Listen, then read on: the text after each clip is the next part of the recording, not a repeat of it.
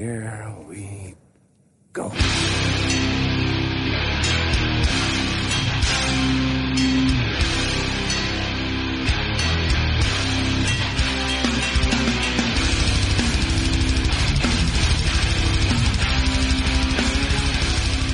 Men sådär då, nere på noll, avsnitt 141. Jag, Robin Lindblad, sitter och skriker i en tom studio i Göteborg och med mig i en eh, kanske lite mer mysigare, mer gemytlig studio i Örebro. Danne Nätterdal, Hej hej! David Loket Olsson Tja.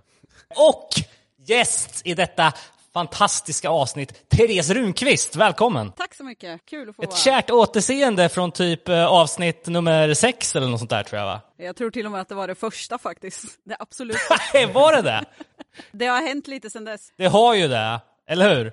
Eh, och eh, idag då så ska vi bryta tag i banden vars claim to fame är den här National Geographic-dokumentären om straight edge samt de som ständigt får en att vilja se till att sjukförsäkringen är up to date när man går på gig. Nämligen eh, alla X-band X, det vill säga Courage Crew, Beatdown, straight edge hardcore med en eh, galen attityd. Eller vad, vad ska man säga Danne? Ja men precis, alltså det här har ju varit ett, eh, varit ett jävligt kittlande ämne i, eh, ja men hur, hur länge som helst. Uh, och jag tänker att inför varje podcastavsnitt vi gör så brukar man, ja det brukar föranledas av ganska mycket research. Uh, och d- nu tänkte jag att för en gångs skull ge mig själv en anledning att djupdyka i de här mytomspunna straight edge-gängen. Vad hände egentligen i Salt Lake City? Är alla rykten som man har hört om, ja det är ju knivöverfall och mord och grejer. Är det sanning eller är det bull? Och vad bättre att göra på alla hjärtans dag än att sitta och prata om lite våld. Eller hur? Det är ju en förlorad era vi kommer bita tag i här med, med liksom alla X, bandnamn X liksom som var så jävla populärt. Eh, men innan vi gör det så ska vi ju ta och beta av lite feedback och eh, eh jag såg det kom in på mejlen från vår kära vän K.A. Sandvik som skickade en härlig topp 10-lista på bästa norska släppen från 2020. Många band som man inte har koll på där, men eh, jag ska ta och dunka upp den här i eftersnacksgruppen så får man lite underlag om man är sugen på att bita tag i de släppen. Eh, sen har vi ju skickat ut vårt eh, första release i vinylklubben. Vad, eh, vad blev det den här gången, Danne? Yes, ja eh, det är ju eh, bandet Sekundernas andra sjua, eh, Hjärtat, som släpps av Luftslott Records slash Pappas pengar. Och eh, ja, skivan är ute sedan ett tag, vi hann inte avhandla den förra, förra avsnittet när vi sände live med Mark. Men jag tänker att nu har det kommit in en hel del diskussionsunderlag i eftersnacksgruppen. Eh, och vi kanske kan ja, men, ge en liten eh, egen recension här också. Ja, men det tycker jag. Så 20, 2020 var ju ett av de få fysiska släppen som jag plockade upp Paradiset-EPn som kom av sekunderna innan. Och eh, jag tycker hjärtat är ju liksom samma eh, härliga anda av liksom garagepunkrock med härliga popmelodier. Eh, den går väldigt snabbt igenom, det är bara tre spår, men jag gillar den som fan. Jag tycker alla tre låtar är liksom right up my alley. Vad tycker ni? Jag håller med Ja. dig. Jag tycker det är svinbra. Det är precis rätt sida på trallgränsen. Jag är mer skeptisk. Måste jag säga. Det här är inte riktigt min kopp. Men eh, ja, jag har ganska nyligen kommit in på sån här, den här formen av musik. Så att jag måste då... Nej, jag är rätt krassen där. Men eh, det kanske går om man lyssnar in sig ordentligt. Ja, nej, men jag, jag är, jag är, jag är, eh, det är ömsom vin, ömsom vatten här, ska jag säga. De, skulle, det finns jävligt många element som är helt, helt rätt. Till exempel den här enkla gitarr melodin som, som är i öppningsspåret, hjärtat, som är, bara, ja men som kryddar på så jävla, så jävla bra. Men det är ju precis den här knivsäggen som jag tycker att det är lite övertramp åt både trallhållet och åt andra sidan svensk indiepop-hållet. Ehm, så att för mig är det inte, är det inte, är det inte en hundraprocentig succé. Tyvärr. Men eh, jag tycker fortfarande att det är en jävligt bra sjua. Men jag hade hellre velat haft den, du vet, hela vägen på den här smala knivsäggen som, som måste balanseras för att komma undan med sån här typ av musik. Eh, men alltså det här var ju första släppet i vinylklubben och tanken från början och det vi gick ut med var ju att det skulle vara en hardcore vinylklubb med utrymme för vissa avstickare. Eh, och nu vart det liksom ett extremt åt det softa hållet redan på första släppet. Eh, och det handlar ju om Ja, men logistiska skäl, att det var den plattan vi kunde få tag på som var ny direkt liksom. Och vi fick ett specialgjort omslag och allting var ju skit nice. Eh, men det, ja, folk verkar verkligen ha gillat det här. Av alla de över 40 kommentarerna på eftersnacksgruppen på den här releasen så är, var det väl bara en typ som var skeptisk. Så det var ju skitkul att det blev så bra, bra mottagande på den här släppet nu, för vinylklubben i sig har, har ju fått så extremt bra genomslag. Vi har ju tyvärr behövt säga nej till alltså 10 pers eh, för att vi inte kan hantera mer än ah, 40 pers i klubben. Det blir, det blir för stor apparat och skicka ut så mycket plattor och sen att det kan bli svårt att, att det finns mer än 40 ex ledigt av en skiva. Nummer två är väl på gång nu? Ja, och jag är svinnervös. Den här skivan är, är ju på väg från USA, skickades i slutet på januari. Eh, och jag har i veckan bråkat med tullen eh, angående en annan skiva som jag köpte personligen från England. Där nu då England är inte med i EU på grund av fuck Brexit. Och eh, då har skivan kommit till Sverige men de vägrar släppa ut den för att tulldeklarationen är lite otydligt ifylld. Okej, det suger men det är inte hela världen. Men nu har, har vi eh, ett paket här där bara portot är 800 spänn. Eh, och jag har ju såklart bett bolaget att fuska med tulldeklarationen så vi ska få lägre moms. Eh, men är det så att skiten inte kommer igenom, att de väljer att skicka tillbaks den bara för att jävlas, ja, då är det ju 800 spänn åt helvete. Eh, så jag sitter med, med, med och håller tummarna för att det här ska komma in halvsmugglat i landet. Men det kommer bli, det är en jävligt fet release i alla fall. Eh, jag tror att folk kommer, kommer digga det. Och det här är något helt annat. Så att det, det är hög, högt och lågt, precis som det ska vara i den här klubben. Ja, vi får väl be våra lyssnare hålla koll på vår Facebook och sociala ehm, när de börjar dyka in, så vi kan hålla dem in the loop. Men några kommentarer från eftersnacksgruppen då gällande sekunderna. Marcus Eriksson skrev att han håller fast vid att de låter som ett svenskt banner pilot, eh, vilket givetvis är enbart positivt, säger han. Sekunderna är ett av de banden som, har högst, som jag har högst upp på live-önskelistan för 2021, om helvetet ger med sig snart. En annan Marcus, nämligen Kjellman, håller med. Jag som tvivlade på klubben får ju säga att ert första val var klockrent. Lyssnade igenom idag och det var precis så bra som man hade kunnat hoppas efter första skivan. Lite mer, eh, lite lite med tre låtar bara. Eh, och eh, ja, det, det är väldigt många som skriver liksom megapepp rakt ner i min tekopp. Det är så här, många kommentarer i eftersnacksgruppen och eh, det är lite kul också om, om det kan bli, om vi kan få ut de här nu då Eh, kontinuerligt varje månad som är planen. Eh, men eh, ja, ska vi, eh, ska vi lämna sekunderna av vinylklubben där och hoppa in på Hänt i veckan kanske? Yes. Ja, eh, men jag kan, jag kan ta en eh, band som vi snackade om i förra avsnittet då. Thailändska Whispers. Den här femlåtars tolvan ligger nu på Spotify. Det är så jävla nice. 110% kickback. Eh, pre, pre-ordern ligger uppe. Eh, från This Coming Strife i, i England. Köpte mig direkt med tillhörande mjukisbrallor. Eh, har du läst några texter på kommande? Nej, men jag ut, utgår ifrån att det är eh, bara kadaverficken och alltihopa. Det är liksom eh, den riktiga definitionen av explicit lyrics. Yes. Eh, sen kan jag bara slänga in två snabba eh, releaser, eller låtar som har kommit upp för Spotify för andra liknande hårda band som jag diggar som fan. Eh, fantastisk födelsedagspresent från Purgatory som släppte en ny låt 4 februari. Det tackar jag för. Eh, och poddfavoriterna Inconsolable Wretch har nu släppt en ny låt. De är fan produktiva, de släppte ju en fullis förra året. Ja, men de verkar också vara jävligt duktiga med att pytsa ut en låt i taget. Precis som man ska göra nu för tiden. Som vi förutspådde. Ja, fantastiska gitarrmelodier. Alltså det är det som gör det här tunga Vad, he- bandet. vad heter låten? Eh, den hette någonting lite halvljummet faktiskt. Det var typ så här, fuck your face. Ja, Hardcore Poetics skitbra i alla fall. Eh, jag kan fortsätta då med eh, 2012 års album Days Go By av The Offspring eh, var ju det senaste de släppte, men nu kommer då världens mest oengagerade pressrelease när det gäller Offsprings nya. Det står Vi släpper en skiva, den är klar, den är klar.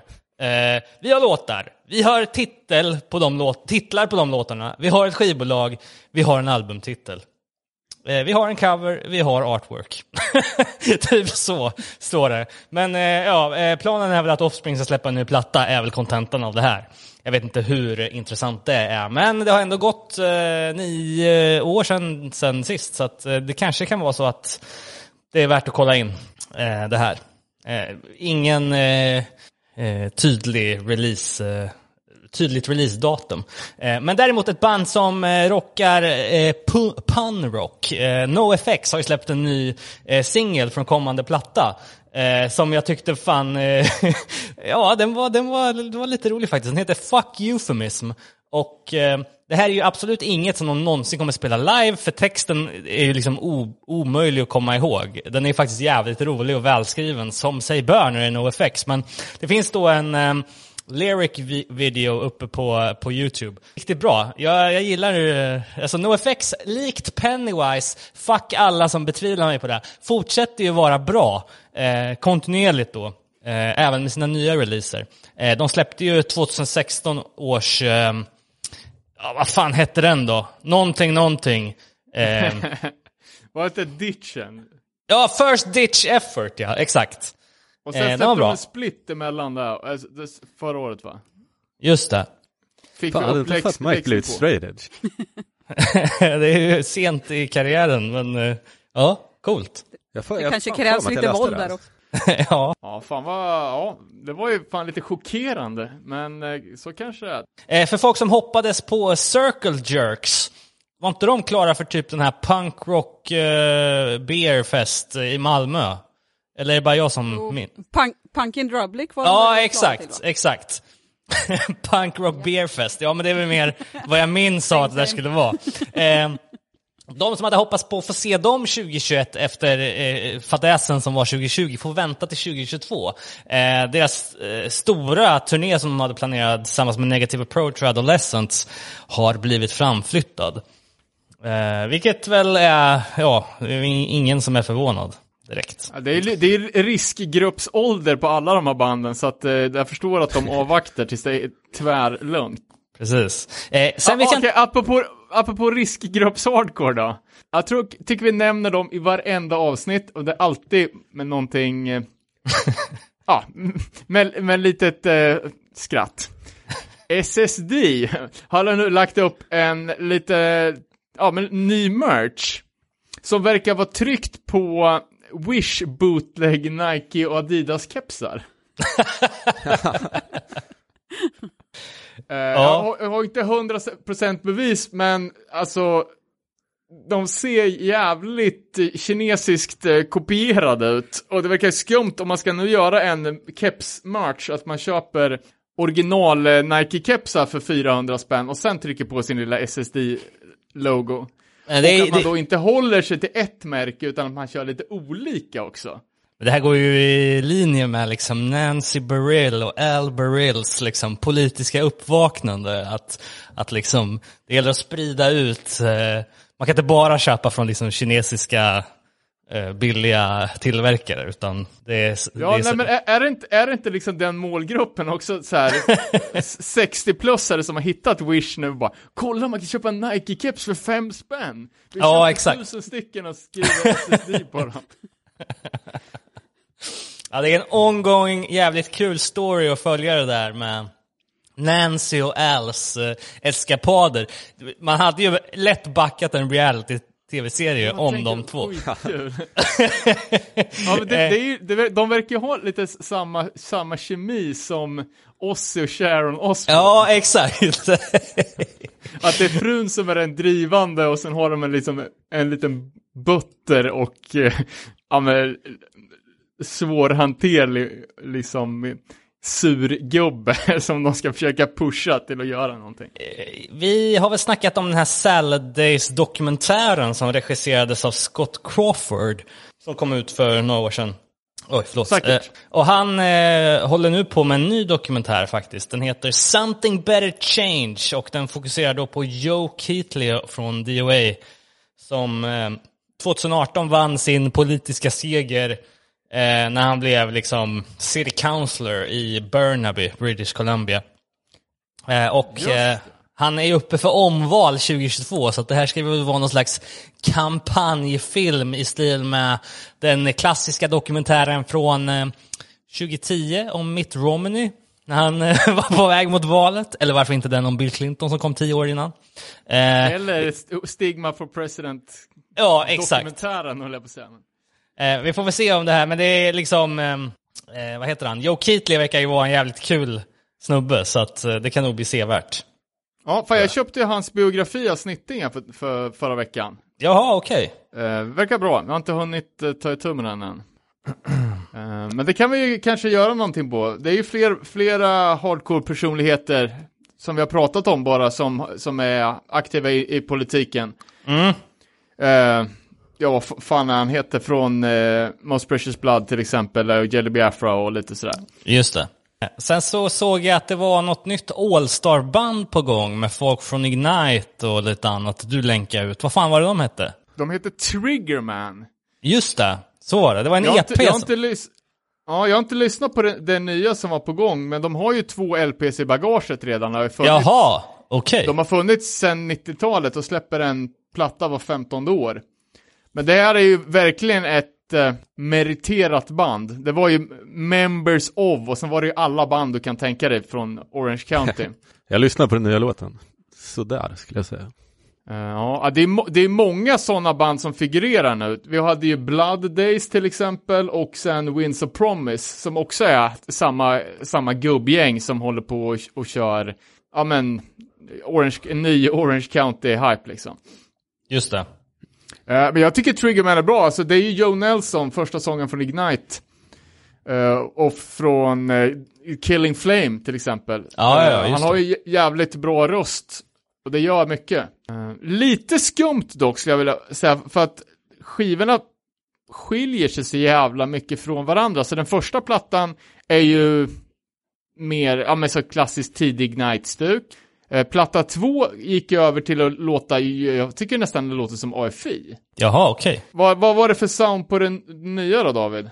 Mer AFI-hållet om man ska. Eh, men sen är det också en, grej på den där förra plattan att omslaget är ju lite i ögonfallande. Eh, jag vet inte om det är från, vad fan heter den filmen då? Åh, jag är så jävla dålig på filmer. Skitsamma, det är att en typ en naken kvinna som ligger på en, antingen ligger hon på en sidenfilt eller också typ så här bed of roses. Vilket verkligen sticker i ögonen för att vara en hardcore-platta. Ja, verkligen. American Beauty, är det den du tänker på? Exakt, exakt. Eh, Ja. Och likadant, eh, Dan Mahoney, en annan Orange County hardcore-legend, har ju ett nytt band som heter Shinners Club. Mm. Eh, och där är ju också omslaget då på ett par snygga damben i nätstrumpor typ. Just det. Så jag vet inte om det här är någon sorts eh, gubbsjukhet eller om de tycker att det är någon sorts artsy grej man ska köra med. Det låter som Livskris a clock. Möjligt. Eh, du nämnde gubbar som tuggar på. Det kan vi ju eh, prata lite om Mighty Mighty Boss Tones här. Vad får man om man blandar Toby Moores, folk från Less than Jake, Rusty Pistachio, Tim Armstrong, eh, The Specials. Ja, man får alltså då eh, videon till Mighty Mighty Boss Tones nu, eh, låt, The Final Parade, som nu har släppt i samband med att de då har signat på Hellcat. Jävligt lång lineup av eh, gästspel i den här videon, men vill man se lite, eh, lite roliga moves så, så kolla in den. Eh, sen har jag en lång jävla lista på ding-ding-grejer som har inträffat sen sist alltså. Så vi kan väl ta och hoppa över där. Eh, Jag kan bara slänga in några nya band man kan kolla upp. ja, Eh, superkort. Eh, opportunistiska band. Eh, så känner av vilka som är de mest googlade orden och eh, döper sitt band därefter. eh, både Quarantine och Vaccine har släppt nya hardcore-demos den senaste tiden. Sen ett annat band då som, som jag har sett ofta i mitt flöde, och det är bandet Hustler. Säkert det, det här är ju ett så här riktigt hardcore punkband från, från USA. Eh, men det är den här snubben som jag pratat om tidigare som handritar merch. Har ni sett det? Eh, Mob Shitty. Ja, just det. Du har snackat om han förut ja. Jag har en handritad Chromax-tröja därifrån. Och han har liksom byggt om en tuschpenna till tatueringsmaskin och sen sitter det och gör coola... Ja, Är det är inte väl- så här prick, prick? Ja, ex exakt, exakt. Det är den snubbens band nu. Eh, och de går med så här stark eh, BDSM-vibb. eh, och det är ju naturligtvis superkorser i, eh, i hardcore punk eh, svängen liksom. Det är ju den rådande, rådande trenden där. Jag tycker ändå att det är ett ganska, ganska bra kittlande band. Demon var slutsåld, den släpptes i fredags och den var redan slutsåld, så det Oj. vara lite hype. Finns att lyssna på på Sorry States Bandcamp, om man vill. Och det var Nice. Nice. Eh, det ska vi ta och kolla in. Eh, en eh, in i ding ding värld då. Eh, en grej som vi har eh, diskuterat tidigare, men det här är nog fan första gången jag ser det. Det är, eh, det ska släppas en ny compilation som fokuserar på Joe Strummers solokarriär som heter Assembly. Alltså hans, skivan heter Assembly och den kommer fokusera på Joe Strummers liksom, eh, sololåtar. Då. Men de som släpper det och som har hand om det här, det är alltså The Estate of Joe Strummer. Alltså de som förvaltar hans legacy liksom. Eh, går här ut och gör. Och det har vi ju, vi har ju touchat på det här förut, att hur kommer det bli liksom när, när band går ur tiden och, och släktingar börjar förvalta det här. Ja, det här är ju ett, ett tecken på att det är nära framstående i alla fall att att eh, när artisten går ur tiden så kokas det upp i alla fall eh, grejer. Eh, Han gjorde ju även en klädkollektion nyss. Ja, okej, och det var säkert Eller också med- hans. Med hans namn på. Ja. Eh, jag såg också att man kan gå på konferens med Dwid. Eh, det är då alltså japanska bandet Gizm, som vi har snackat om lite tidigare, har annonserat något så här de, bild, de säger att det är ett event, workshop slash conference. Eh, där för, första dagen är diskussion med Dwid från Integrity, eh, Damien Abram från Fucked Up och eh, lite andra. Eh, och sen andra dagen inkluderar diskussioner med Jerry A från Poison Idea och eh, eh, lite folk från Relapse och, och sådär. Så att, och, och varje dag ska då avslutas med en livespelning av Gizm. Det här är ju då helt och hållet streaming, men eh, det ska vara sex timmar eh, var, så att eh, det blir nog rejält material för den som är intresserad av, av att ta del av det. Fan, Eh. ja, det var ju jävligt, det var ett lite udda move, måste jag säga. Ja, Men jag Men förstår ju liksom, ja, att- för det här är ju, Gizm är ju dina idolers favoritband liksom. Alla hardcore-legender dyrkar ju dem. Precis. Men också att nu när de då efter, de släppte den där LPn, ja typ 83-84 och har väl typ inte gjort något vettigt sen, sen dess. Eller ja, de släppte en uppföljare och det har gjorts lite små grejer men det är väldigt sparsamt med varken spelningar eller, eller musik Mm. därifrån. Eh, och nu det- de de har signat på Relapse så måste de ju liksom aktivera det här bandet som är Mm. Ja men som sagt, det är liksom ett... Det är inte ett band som den stora massan känner till, utan det är liksom, äh, ja, dina idolers favoritband. Just det. Men det var ju ett nytt move. Det känns ju inte som att GISM-medlemmarna som är liksom lite trasiga punkfarbröder, äh, alltså, totala japanska, ja men du vet, Ja, ja, ja, verkligen. japanska punkdårar, att de är så konferenskompatibla, men det kanske de är. Det kanske är Ja. fördom. Är det inte något rykte att han, sångaren är med i, vad heter det, maffian? Ja, Yakuza. Yakuza ja. Ja, att Sakivi ska vara med där. Eh, ja, Då men det är de börja alltså... betala, betala pengar dit också, Relapse. Hade de inte Ja, men- räknat med från början. Precis. Eh, men jag vet inte fan, vart ligger Poison ID nu för tiden? Ska de också hamna på Relapse då? Ja, kanske det. Eh, ja, det var ju spännande. Bra Eh, koncept. Jag vet inte fan om jag eh, kommer ansluta, men eh, Jerry A for effort. Ja men precis. Eh, och det är väl också så här lite i tiden med att ja, men 2020 var som det var, band måste branscha ut. Det gamla garagepunkbandet The Melvins eh, gör ju eh, en liknande grej när de gör sin Melvins TV-program som ska gå eh, på Valentine's Day, alltså idag då antar jag. Ehm, och eh, det är liksom dels de lirar låtar men också så här att de intervjuar folk och de gör lite skits och man kan betala för att streama det här. Ja. Ja, men fan, de verkar vara jävligt roliga, roliga gubbar, så att det kan nog bli entertainment. ja.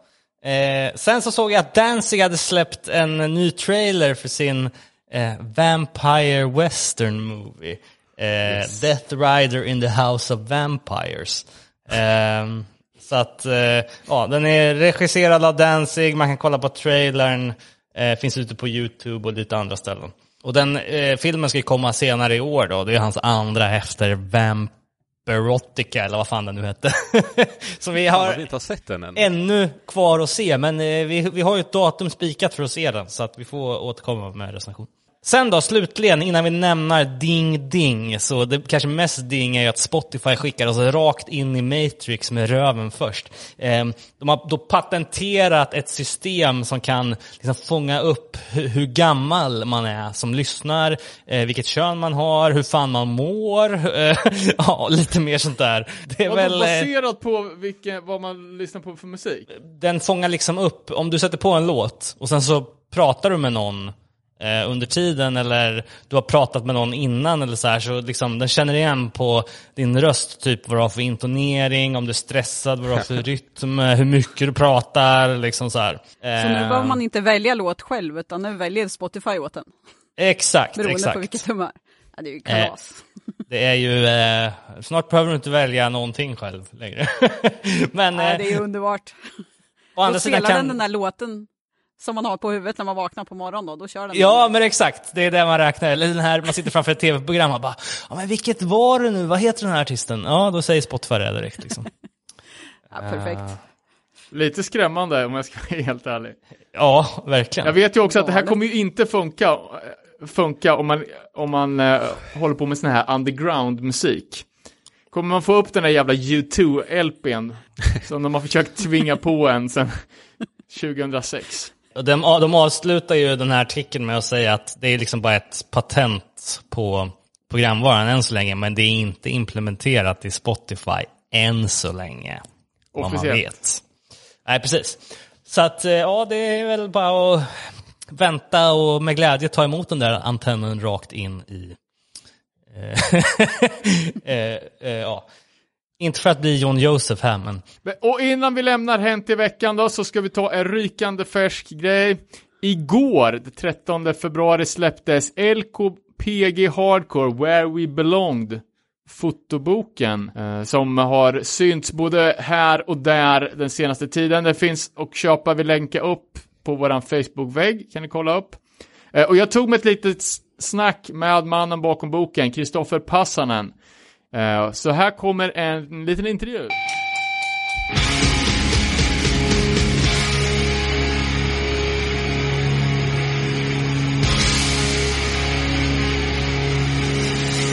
Alright, då har jag kopplat upp mig på det så kallade internet ännu en gång för att köra en distansintervju. Den här gången internationellt. Det är in- internationell premiär här nu för Nere på Noll efter 141 avsnitt. Och på andra sidan har jag Kristoffer Passanen som är aktuell med en ny bok om eh, LKPG Hardcore. Hej! Hallå! Välkommen! Tack så mycket, skitkul att vara med. Grymt. Eh, bra timing också. Jag såg att boken fanns uppe för pre-order typ eh, alldeles nyligen släppt. Precis, så igår fick vi ut den som, som förköp. Och sen eh, släpps den den 13 februari. Nice. Vi får ta och skicka upp lite länkar på vart man kan beställa. Men det här är alltså en eh, fotobok om eh, 90-talets eh, Linköping. Precis. Så jag samlar upp bilder mellan, ja, i huvudsak mellan 95 och 99. Med en viss gränsdragning att vissa bilder är lite senare. Och något enstaka band är också 2001 tror jag. Men eh, vi hade högt fokus på 95 till 99 i alla fall. Och det är, är det bara band från Linköping eller band som har spelat i Linköping? Så här, eh, vi började med att bara ta band från Linköping och insåg att det var inte jättemånga ändå. Alltså det är ju ett gäng liksom. Men eh, desto mer vi började titta på negativ så insåg vi ju ändå liksom att, ah, fan, vi tar band från Motala, Mjölby, Skänninge. Eh, sen växte det och då blev det helt plötsligt Oskarshamn också. Så jag skulle säga, för mig så innefattar ju alla de här banden ändå LKPG Hardcore, även om de inte är få, från Linköping per se. Jag förstår. Ja, nej men alltså, Section 8 är väl eh, så mycket Linköping Hardcore man kan bli, även fast de är kanske från någon mil utanför. Ja, det är ju ganska många mil utanför. Eh, så de är ju från Skänninge. Jag är från Mjölby, uppvuxen i Mjölby liksom. Och då, nej men så Mjölby, Linköping är ju inte samma. Skänninge, Linköping är inte samma, men scenen blev ju ändå liksom en, en större helhet eh, Utan tvekan. Även om det fanns ett SKG, SKGE här. SK, vad fan, ja du vet. Eh, vilka, vilka band kan man förvänta sig att se material från då? Oj, det, det är ju en mängd band. Så det blir väl liksom först och främst eh, Outlast, eh, Nine, eh, Bonds of Trust, Bo- eh, Both Sides, First In Line, Backside, LKPG eh, Eh, och eh, Interlace. Alltså, så de flesta banden som ändå är då från Linköping som jag plåtade på den tiden. Och sen såklart då Section 8, Corner Pit, eh, Trunchbull. ehm, ja, det är allt möjligt. Shit, jag hade inte listan i huvudet. Jag förstår, men my, mycket gött är det i alla fall. Ja, men det tycker jag absolut. Jag tycker det, alltså, och sen det roligaste, det är ju inte bara band, utan jag samlar på bilder på människor också. Eh, så att eh, har man varit där i tiderna och råkat stå framför kameran så är ju fokuset, eh, de bandbilderna som är, så är det ett högt fokus också på, på människorna. Det är inte bara eh, coola hopp liksom, utan försökt att ta sådana bilder som man kanske inte har sett så mycket av förut, utan verkligen försökt att hitta bilder där det är så mycket människor på som bara möjligt. Och sen dessutom bilder på människor som jag tagit helt och hållet utanför, utanför liksom, eh, spellokalerna till exempel, etc. Eh, vilka, vilka spelställen är representerade? Skylten antar jag. Ja, skylten är ju absolut representerad. Sen är det väl säkerligen en del bilder ifrån eh, olika, alltså det är inte bara från Linköping. Det är inte bara i Linköping bilderna heller är tagna. Så det är ju allt från, eh, alltså det finns bilder från Café 44, det finns bilder från någon, någon spelställe i Oskarshamn och eh, etc. Och det där är ju en av mina svagheter, alltså på 90-talet. Dokumenterar ju ingenting. Fan, det fanns ju ingen GPS i de där jävla negativen liksom, så det är inte bara att kolla upp vart tog jag den här bilden någonstans. Det är verkligen så här, shit, var, vart ser det där stället ut att vara? Jag har ingen aning, det är 25 år sedan. Ja. Nej men det är ändå, ändå grymt för att, jag menar, folk, gemene, gemene hardcore-besökare tog ju inte foton. Det var ju fotograferna som fotade. Ingen annan gjorde det. Jag har inte ett foto så jag har tagit från 90-talet liksom. Så att det är ju, man får ju, man får ju se sin egen värld ur någon annans lins liksom. Jo, så där var det ju också. Jag kommer ihåg det, för vi var ju några stycken som hade liksom en systemkamera liksom i handen. Och det blev ju riktiga, det var ju folk som ändå då lite satsade på det. Eh, och sen var det ju några som ändå, man tyckte så här, de kom med någon så här pocketkamera eller till och med sån här, du vet, vad fan heter de då, liksom så här engångskameror. Och så tänkte man liksom, vad fan, det här kom, det där blir inte bra. Men de bilderna har ju också ett värde i sig idag. Eh, du vet, bara snapshots liksom av vad som helst. Eh, Ja. Så det är ju skitkul att se sådana bilder också dyka upp. Och de dyker ju rätt mycket upp på Facebook också. Bara så här, du vet, någon som hittar ett gammalt fotoalbum. Eh, Så att jag tycker ju liksom, men att det finns ju bilder, jag tror att det finns mer bilder än vad vi tänker oss att det finns, men det är ju inte som idag. Det är ju inte som liksom varenda kotte har en kamera i fickan och så fort du går på en spelning, fast det är länge sedan nu, så det du ser ju mer kameror idag än människor nästan liksom, på en spelning. Det är ju nästan att det är störande. eh, gå Ja, på en ja, spelning. Men det är intressant, eh, har ju varit på några spelningar i England sen, eh, sen mobiltelefonen gjorde sin entré och där har de en helt annan kultur. Alltså, du kan, kan gå på en festival och ser inte en telefon liksom. Så, Ja, det skulle, jag faktiskt, att- det skulle jag faktiskt se fram emot. Ja. Men e- en annan grej också som har förändrats väldigt mycket, det är ju att nu finns det ju inga dåliga bilder. Det är det som är charmigt när man ser folk som har skannat in sina gamla, liksom, sina gamla utskrivna foton. Att man kan ha liksom en helt utvecklad min eller du vet, det, det är dåliga bilder rent tekniskt. Det där finns ju inte nu. Nu är det ju liksom alltid tillrättalagt, man har hundra att välja mellan. Och det tappar ju någonstans i, i, i stunden på något sätt. Jo, men så är det ju absolut. Och, och speciellt då om man tar med bara mobilen. Liksom. Det är så lätt att bara rassla iväg med bilder. Och du, som du säger, du har hundra stycken att välja på. Alltså när jag har valt nu liksom till den här boken. Det, är ju, det var dyrt att ta bilder på den tiden.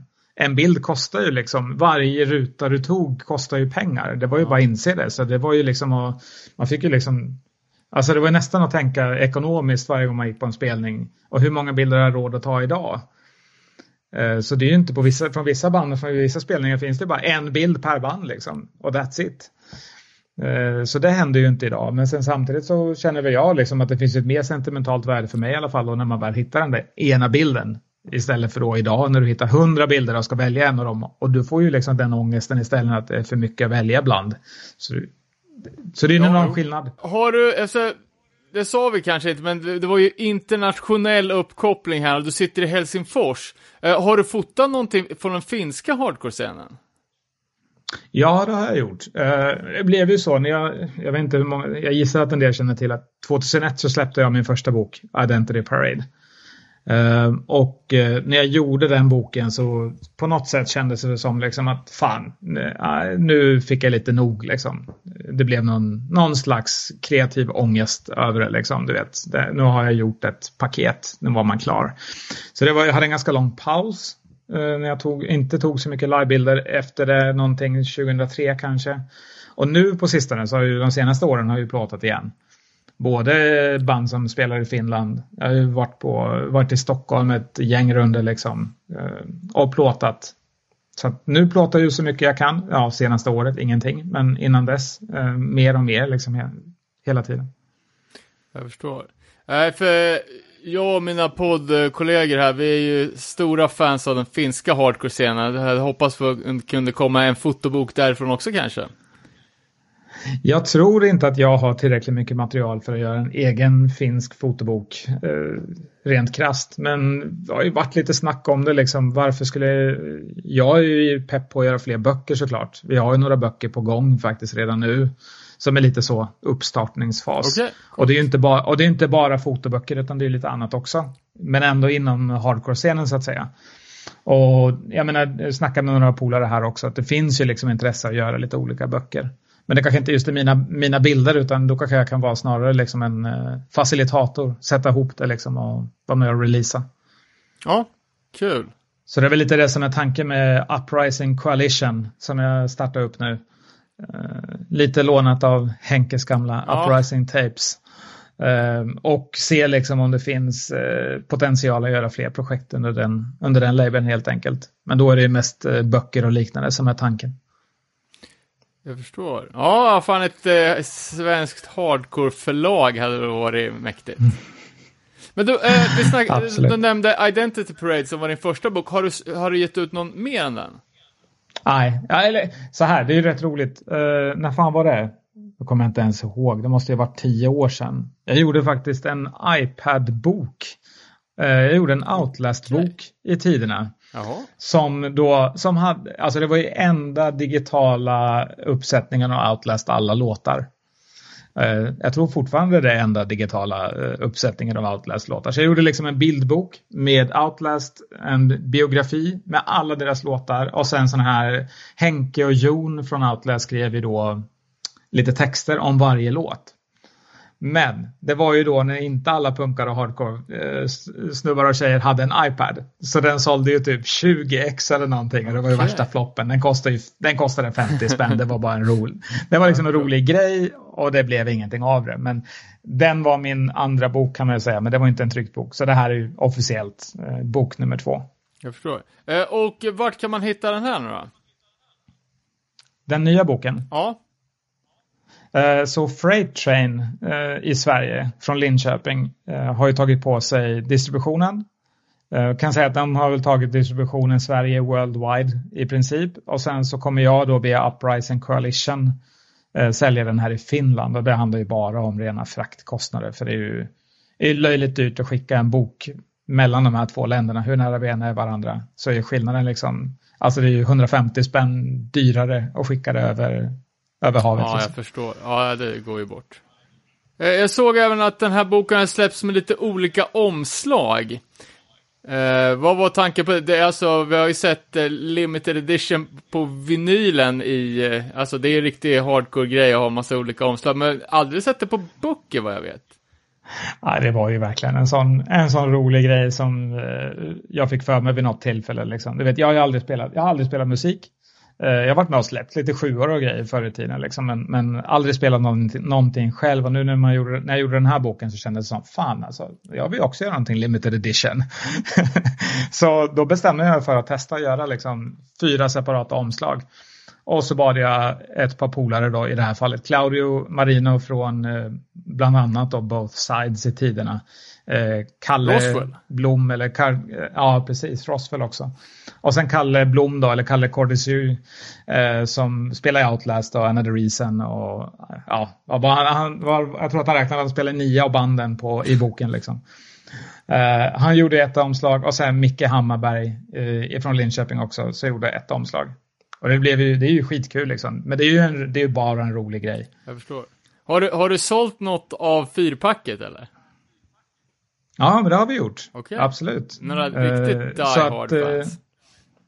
Ja, nej, men det är ett gäng som har köpt faktiskt. Inte jättemånga, men det var, ja, vad var det, fem stycken åtminstone första dagen. Ja, all right. Det är ju hur grymt som helst. Så att eh, jag tror inte vi är uppe i riktigt 100 x än idag, men eh, det, är, det är ju många som fortfarande idag liksom tickar på och säger nu har jag beställt. Vi hade ju lite strul med Klarna igår av någon anledning med just böcker. Så det kanske gjorde att det gick lite långsammare. All right. Ja, fan det kommer ju rulla på. Det tror jag. Vi har ju sett värsta fanzinboomen här på senaste åren så att eh, det känns Ja, som sen- att det kommer gå. Alltså vi räknar lite kallt på om, om bara alla som ens har spelat i ett av de här banden skulle köpa boken så sålde den ju slut på, på några dagar. Vilket nog inte alla gör. Men det är ju nog en, ett gäng ändå som borde vara, tycka att det är lite kul, intressant. Jag menar, till exempel, alltså den här boken skulle ju inte funnits idag om det inte skulle vara för svensk hardcore-kultur till exempel på Instagram. Eh, som då liksom ändå har visat att det finns ett intresse av den här typen av ja, releaser. Ja. Nej, men det är hur grymt som helst. Jag ska gå in och beställa en när vi har lagt på luren här. Eh, Det låter superbra. men eh, du får ha det så bra. Tack för medverkan och din kulturgärning. Tack så jättemycket. Och skitkul att få vara med. Jag, det, är verkligen, det är verkligen kul uh, att se och lyssna på er också. Även om det är en, nu är det en podcast så du kan inte visa någonting. Det, är också lite, det hade också varit jäkligt kul liksom. Men uh, kul att få prata med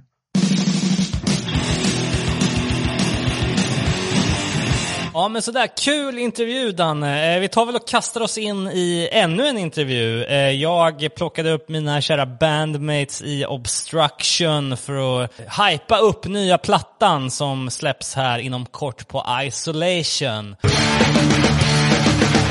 Men vad jag vill klargöra först och främst, det är ju, vi heter ju, man får säga vad fan man vill. Man får säga obstruction eller så får man säga obstruktion. Det är helt jag okej pratar alltså. engelska. Vi, vi kör lite eng engelska där liksom på stavningen, men det var för att det finns ett jävligt bra band från Texas som heter Obstruction redan. Är det så? Ja, det gjorde det. Men de har lagt ner förhoppningsvis. Det hoppas jag med. Fast ändå inte, för det var pissbra faktiskt. Kolla upp det. Obstruction eh, TX, någonting på alla medier. Det var fett alltså. Och on that note, då får vi säga att vi sitter här på fängelsets övervåning i Göteborg. Eh, Jag har dragit hit Matte och Jonas från Obstruction. Eh, Välkomna! Tack. Tja, tja. Tack. Hur känns det att prata om, du är ju ändå med liksom i bandet, hur känns det att sitta där och bara, nu ska vi prata med medlemmarna i Obstruction, och så är du själv med i Obstruction. Hur känns det här Robby? S- Superjävigt på frågfronten. Det blir inga Josefsson-fasoner här direkt med, med liksom... Bring the Josefsson. Skattesmitare. Ja, exakt. Det är gött. Men vad fan, det är askul. Vi har ju snackat länge om att göra det här. Eh, Mm. Ta ett litet helhetsgrepp på Obstruction som just nu är superaktuella med kommande Monarchs of Decay. Som släpps på Isolation eh, i något slags samarbete med Evil Greed och Death Wish. Eh, vad fan, up top här, vi, skivan är aktuell. Berätta lite. Eh, vart, eh, hur, hur, hur har den kommit till? Hur har processen varit liksom? Oj, alltså... mm, Jag tror vi har två olika sidor på det här faktiskt. Ja, berätta du. Ja, alltså för mig pissenkel process i skrivandet ändå faktiskt. För att det sitter ett geni mitt emot mig här som har eh, tusen fucking jävla riff redan i bakfickan när vi går härifrån som han tänker på nu liksom. Det vet man ju. Men det har varit eh, faktiskt väldigt, vi gjorde ju våran promo slash demo. När var det? Vi släppte den typ för ett, förra december tror jag. Vi var ju ändå iväg och spelade på den lite grann i Köpenhamn och Göteborg. Sen kom the covid. Men efter det gick det väldigt fort. Så ett halvår från att vi hade spelat in demon till att vi satt där nere hos GG i, i Malmö och drog in en fullängdare liksom. Just det. Alltså, som, som jag sa, han är ett geni han som sitter där på andra sidan liksom. Och processen skapar, han kom, jag har det här. Uff, Fett. Wow, jag har den här. Uh, uh, fan, det börjar göra ont liksom. Så börjar jag känna så här panik över texter och sådana här saker liksom. Så här, fuck, det här kommer ju bli pissvårt att skriva texter till. För att, eftersom man, musiken är så bra, fraseringen som vi hade jobbat på var asnice. Och då blir det så här, det här måste ju ändå, jag kan inte eh, stå och skrika yo bro, what's up man. Det är liksom, för båda två av oss kommer ju ändå från ganska politiskt aktiva band också liksom.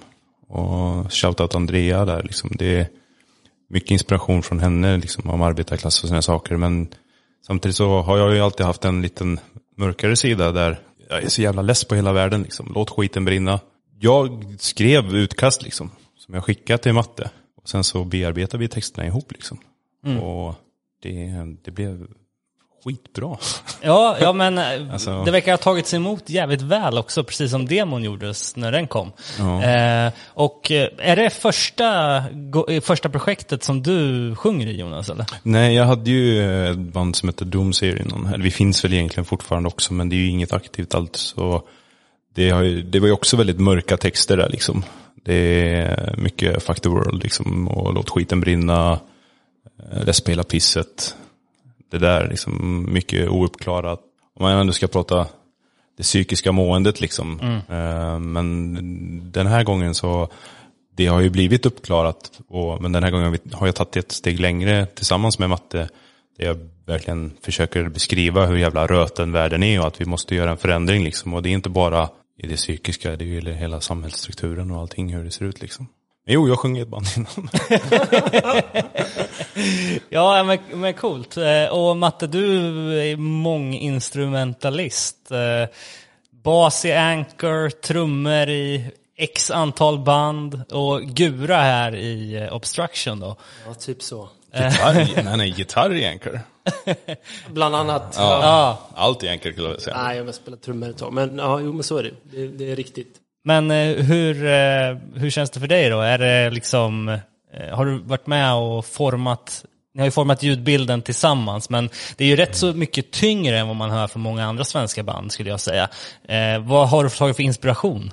Oj, alltså jag, jag tror att, att inspirationen, den, den kommer nog inte, kanske inte från... Det är nog svårt att säga ett band. Och jag, jag riskerar att motsäga mig själv ganska mycket. Men, men jag tror att vi var nog ganska överens om att det var en generell vibe som vi ville åt på något sätt. Och, och det, jag kommer hela tiden tillbaks till att det var så jävla fett att växa upp och upptäcka alternativ cool musik på 90-talet. Så otroligt mycket jävla cool musik och de har format, jag menar oss supermycket och det är liksom allting ifrån från liksom hardcore från Umeå till Florida dödsmetall, ja precis, dödsmetall från- i Florida eller i Stockholm eller, eller norsk black metal. Det, det, så, det var så jävla lätt att bara växa upp och bara suga i sig allting. Ehm, så att, så att menar, den inspirationen kom ju från överallt. Men vi var väl eh, väldigt överens om att vi ville bara göra någonting som var så, så jävla hårt. Ja. Som det gick. Och att det skulle inte vara så jävla knussligt heller. Utan man, lyssnar man på låtarna så är de ju otroligt är pang på liksom. Ja, men precis. Rikt, väldigt pang på. Ja. Det, är, det är inte så mycket finess liksom, utan det är mest våld. Och, och det var ju det som var... Det, men det sa vi ju liksom. också när vi började med det, liksom, att det, varenda låt ska vara, försöka vara i alla fall jävla knogjärn rätt i plytet liksom.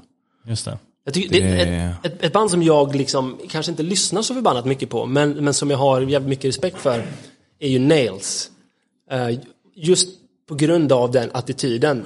Att det, det är liksom, de har någon slags mission statement som är att det ska inte vara någon jävla fluff. Det ska bara in med kniven och röra om liksom. Och det tycker jag är jävligt fett. Det är ett, ett, ett föredöme, ett stort föredöme när det gäller de här grejerna. Och jag tror också att, ehm, eller jag vet att ehm, det fanns ju låtar, eh, fanns ju demoversioner av de här låtarna där eh, de kanske gick i ett tempo eller sådär och sen så lyssnade man på dem igen, man kom tillbaks och så var det så här, okej men vad fan, eh, vi kanske ska piska upp den här låten ett par BPM bara för att öka på det lite till och så bara, ja ah, men det funkar ganska bra. Och det, är- det är ju ett enkelt sätt att göra någonting mer intensivt. Det är Ja, ganska, ja. Alltså, det är ganska basic egentligen. Kaosa men ändå inte det här converge-kaoset om man säger så liksom. Utan Det blir ändå hårda smällar snabbt liksom. Precis. Och sen liksom, ja men okej, nu har vi den här låten, vad är det vi saknar? Ja, vi behöver ett breakdown. Liksom, någon tar ner det, så man matar elden liksom. Det har ju varit mycket sånt vi har tänkt på också liksom. Det, och jag, tycker att, som sagt, han är ett geni som sitter där borta liksom. Och han har kommit med låtarna, jag har sagt vad jag tycker och så har vi liksom format det tillsammans. Alltså he- hela skivan har vi format tillsammans. Oh, ja. Och, Både textmässigt och musikmässigt egentligen liksom. Ja, och, och lätt, lättaste skivan jag någonsin varit med och gjort. Alltså det det tog kanske, ja, men det kanske tog två månader liksom från början till slut och, och bara dra ihop den och det var så eh, jävla lätt. Och det är väl just på grund av liksom utbytet vi hade och den, och den peppen som man, eh, som man kan föda av liksom. En annan persons pepp liksom. Det är jävligt tacksamt. Eh, det, s- det kom ut en första singel här nu som heter Hopeless Path. Eh, och eh, planen framåt då, kommer, för skivan har väl ett releasedatum i februari. Eh, som vi nu befinner oss i. Eh, men eh, vad, vad är det exakt som gäller? Hur många spår och eh, när kommer skivan ut? Är det 11? Tror jag. Jag tänkte säga tio typ alltså. Det, jag är väldigt dålig på att hålla koll på exakt hur många. Men det är något intro här och nå- något gött mellanspel där. Man står på berget med vinden i håret. Ett gött gitarrsolo liksom. Eh, jag kan, ja, Jag tror att det är 11 låtar. Och jag tror att det kommer komma en singel till. Tio. Vid någon oj förlåt. Tio låtar. Uh, oklart när den singeln kommer. Men ja, någon gång mitt emellan uh, här och när skivan släpps. Ja, Kan vara nästa vecka, kan vara två veckor, kan vara typ precis innan det släpps liksom. Men vi släppte ju videon också. ja exakt. Det är lite upp till bolaget faktiskt också. Känner jag. Vi har, vi har väldigt stort förtroende för Isolation som det är liksom. Han har, eh, skönt att ha pepp från ett bolag också så som han ändå gör nu liksom. Ja, hur, hur kom ni i kontakt med, med dem? Jag har känt honom länge på något sätt. Man spelar väl med, eh, han är också en person som har spelat i en massa band. Någonstans i Västtyskland och, och någonstans har jag mött honom. Jag kan inte säga exakt när eller hur riktigt, men eh, på något sätt, han har väl också varit inblandad eller varit på väg att släppa något band man har spelat innan och så har det fallit igenom och så nu, nu var det bara väldigt lätt att skicka eh, demon till honom och så tyckte han att den var jävligt ball. Eh, Och ville höra liksom, skivan sådär. Just det. Um, så det är väl någonting sånt.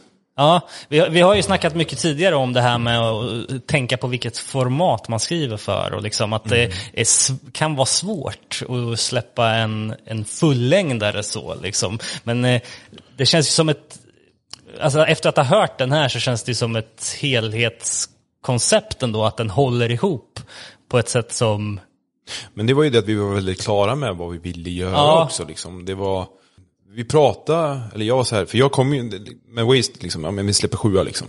Det är fem låtar, det räcker liksom. Det är fan vad gött ut och turnera lite. Och det är inget fel på det. Men den här gången när vi hade gjort demon, Då var jag så här, jag var ju mentalt förberedd på en sjua. Så, ja men en sjua och sen så släpper vi en LP kanske. Eller två sjuor en LP och så får vi se vad som händer. Men Matte kom och bara, nej men vi gör en LP. Fett. Ja, men jag, jag, jag älskar ju formatet LP. Och, liksom, och all, alla möjligheter som finns i det. Jag tycker det är asfett.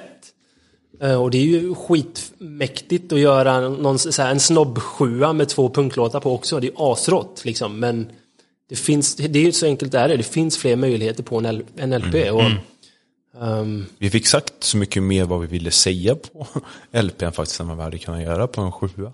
Ja, men så är det ju också såklart. Ja. Alltså, om det nu var tio låtar så är det ju, det är liksom, det är, kan man bara skriva en låt så behöver man inte skriva den tio gånger. Kan man skriva tio låtar, så varför ska du inte göra det då? Om du kan liksom hålla uppe relevansen och substansen i så är det ju asfett. Och sen så hade vi ju fyra väldigt bra låtar. Vad vi själva tycker liksom från demon slash promon då. Som vi ändå tog och vidareutvecklade för LPn. Så att de har ju också passats in i en helhet med resten av låtarna liksom. Och sen har det ju tillkommit lite grejer i studion som kryddan liksom. Men det är, ja, den, jag, fan, jag är stolt över den här LPn alltså. Det är min första och den kommer ju alltid ha en speciell plats i mitt hjärta. Ja, men fan vad fett. Och det är också så här, ni har, ni har gjort det här under det speciella året 2020. Liksom. Jag kommer ihåg, vi tog oss an några artiklar i början av 2020 just hur vinylpresserierna skulle drabbas av eh, the Rona, så att säga. Är det någonting som, som ni har varit med om i den här processen av att få den här upptryckt på, på plast, höll jag på att säga, men på skiva som, som har liksom varit... Nej, men vi har ju väntat väldigt länge på att vi får släppa den alltså. Ja, Ja men det, det blir väl lite sådär, ja vi, vi, släpp, vi släpper den i september, det blir great. Då, då kommer The Rona is out liksom. Eh, Precis, och all, alla de här, äh, då, då kommer liksom, det är många bolag som kommer göra samma grej och visst det blir mycket trafik då men det verkar vettigt. Och sen kommer september och så bara, ja fast vi kanske, visst vi kan göra det när ni vill men, men om inte ni har någonting emot det så kanske vi skjuter upp det lite grann. Då var det snack om december. Men det kanske det var och Ja, december matchar känns... in det på julhandeln liksom, folk kommer köpa skivor. sån där, ja, men, alltså, det är ändå lite företagstänk bakom den här killen liksom. Och det är det som är, är ganska intressant också, för han vill ju att vi ska ut och spela liksom. Och han vill ju att vi ska sälja så att vi kan komma ut och spela. Eh, Så december var ju liksom, okej, men det låter nice liksom, julhandeln, allt det där. Det, det kan bli bra. Men så blev det inte. För då kom ju the second wave liksom. Det, ja, det var ingen idé att släppa i december heller. Nej, nej. Och eh, utöver då Isolation som är själva bolaget som bandet ligger på så finns det väl också något samarbete med Evil Greed och Death Wish. Berätta lite mer om det. Ja precis, Evil, Evil Greed är ju egentligen, det är samma sak som Isolation. Det, det, det var det bolaget hette innan Okej. han väl bestämde sig för att ja, men det ena får vara min distribution och, och webbshop eller vad det nu är han sysslar med. Och det andra ska bara vara skivbolagsdelen av det helt enkelt. Så det är väl den kopplingen. Ehm, men det är ju också en, en, nätverkare av rang och uh, um, Deathwish distribuerar och ehm, promoterar helt enkelt allt som de gör i USA. Det är väl ganska fett. Liksom, det är ett, Och så Evil Greed gör ju allting för Death Wish i Europa liksom. precis. Så det är något Det är väl något sånt. All right. Eh, ja, det ska bli jävligt kul att, att se hur den tas emot i alla fall. Eh, det är positivt efter första singeln i alla fall. Eh, är det liksom, eh, planen är ut och spela. Eh, jag antar att det redan planeras för diverse, eh, men det är svårt att börja boka upp någonting redan nu känns det som. Det är många som, eh, jag pratar med, eh, vad heter han nu då? Eh, ska vi se. Anton Larsson heter han. Ja, Ja, precis. Eh, Jag pratade med Anton Larsson, känd från Cedron, Söderhamn Hardcore. Han, de har ju ett nytt band nu som heter Rats tror jag. Ja. Eh, och de planerar ju också på att ut och spela, men det var så här, redan där svårt att börja boka upp någonting redan nu. Hur känner ni? Vi, men vi har väl pratat om det med andra band man är med i också, att, att de flesta av oss vill ju inget hellre, men ehm, dels att det finns ju liksom inte möjligheten att ha den framförhållningen som man behöver. Eh, ett antal månader, kanske upp till ett halvår, det är ingen som vet hur det kommer se ut, hur det kommer förändra sig liksom. Men utöver det så är det också så att det kanske finns ett allmänt motstånd mot att binda upp sig till det och folk kanske inte känner sig helt bekväma heller med att delta i den typen av sammanhang som det innebär eh, Nej. kanske en som ja, men, slutet på året. Så att det är lite, eh, jag tror att alla omkring mig och oss är nog lite sådär. Att vi, vi, väntar. Ja, tyvärr, det är lika bra. Alltså, helt enkelt att bara sitta, sitta ner i båten. Liksom. Tyvärr, alltså, då kommer det väl bli två förlorade år egentligen. Vilket ju är rätt jävla galet att tänka på. Alltså det hade varit asfett om man kunde hoppa på Chromax och Lois eh, Creature-grejen liksom. Men alltså, jag känner att det inte är någon idé att fråga ens om man får haka på den för att det kommer vara så jävla surt att behöva ställa in den. Liksom. För då har man ändå, fan fett, nu har vi bokat tre spelningar. Då, nu har vi någonting att se fram emot, man går och repar alltihopa. Sen så vet man kanske inte det på sommaren här, då kommer ju Tegnell och bara, nej, det blir inget pojkar. Får Stanna hemma ett år till. Ja, men precis. Det, det känns som att, jag tror inte att folk, promoters liksom i DIY-scenen vågar boka någonting heller nu, så som jag har fattat det. För att de vet ju inte heller om de ens kan få öppna en lokal för att ha spelning. Liksom. Man uppskattar ju gesten lite grann, eller liksom den, den lilla optimismen som de visar när man ändå liksom trycker upp budskapet. Men, men de flesta som håller på med sånt kan väl heller inte tro att det är, att det är rimligt. Liksom, de, hela tiden måste man ju ha någon slags plan B. Liksom. Ja, det känns som en jävla, kasta tärning alltså. Blir det av, blir det inte av. Som fan. Det är ganska många turnéer man har sett som är så här, eh, den här kommer ske November 2021. Ja, precis. Nej, eh, september 2022 Ja, istället. exakt. Nu är det nya datum och sen så De flyttar fram allting ett år liksom. hela tiden. Ja. Ja, och det är bara, man bara tänker så här hur många liksom, eh, flygbolag som har gått i konken liksom, och hur ska band kunna ta sig från punkt A till B på samma lättillgängliga och billiga sätt som ändå har gjort att de här turnéerna har gått ihop liksom innan. Eh, men förhoppningsvis så kan vi väl i alla fall se fram emot att vi har någon slags vettig distribution här i Norden så man kan börja se sig om där. Eh, om inte allt för lång tid. Men eh, hur, hur har det sett ut för er två då? Liksom, ni lyssnar på mycket hardcore, ni, ni är liksom engagerade i scenen så. Har ni som en annan, man har ju fått ägna sig åt att återupptäcka sin backkatalog av album liksom. Det är ju där man har fått lägga sin energi. Eh, har ni tagit med er någonting från, från 2020 liksom? Som... Jag har lyssnat på så jävla mycket norsk black metal alltså.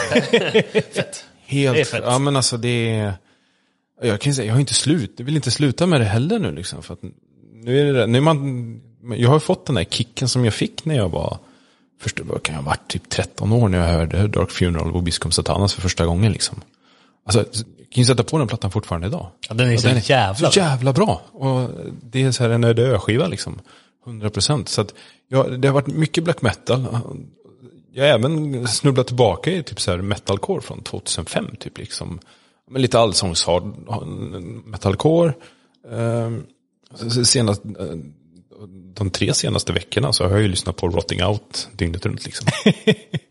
Så jävla bra. Rotting Out alltså. Så jävla bra. Fett. You betrayed me like Judas, I need you like, uh, on the cross like Jesus Christ. ja, det är nice. Ja. Ja, det var det han som... Eh, Yes. ja,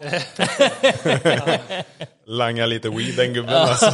Det var jävligt mycket knark också. Ja, men det var ju någon gänggrej alltså. Det är, Willy heter han va? Ja, det var Walter White style Ja, alltså, på, den, Ja, ja, ja. på eh, massan liksom. Ja, jag vet ju att Patricia i Malmö, hon har väl någon connection med den här snubben på något sätt. Jaha.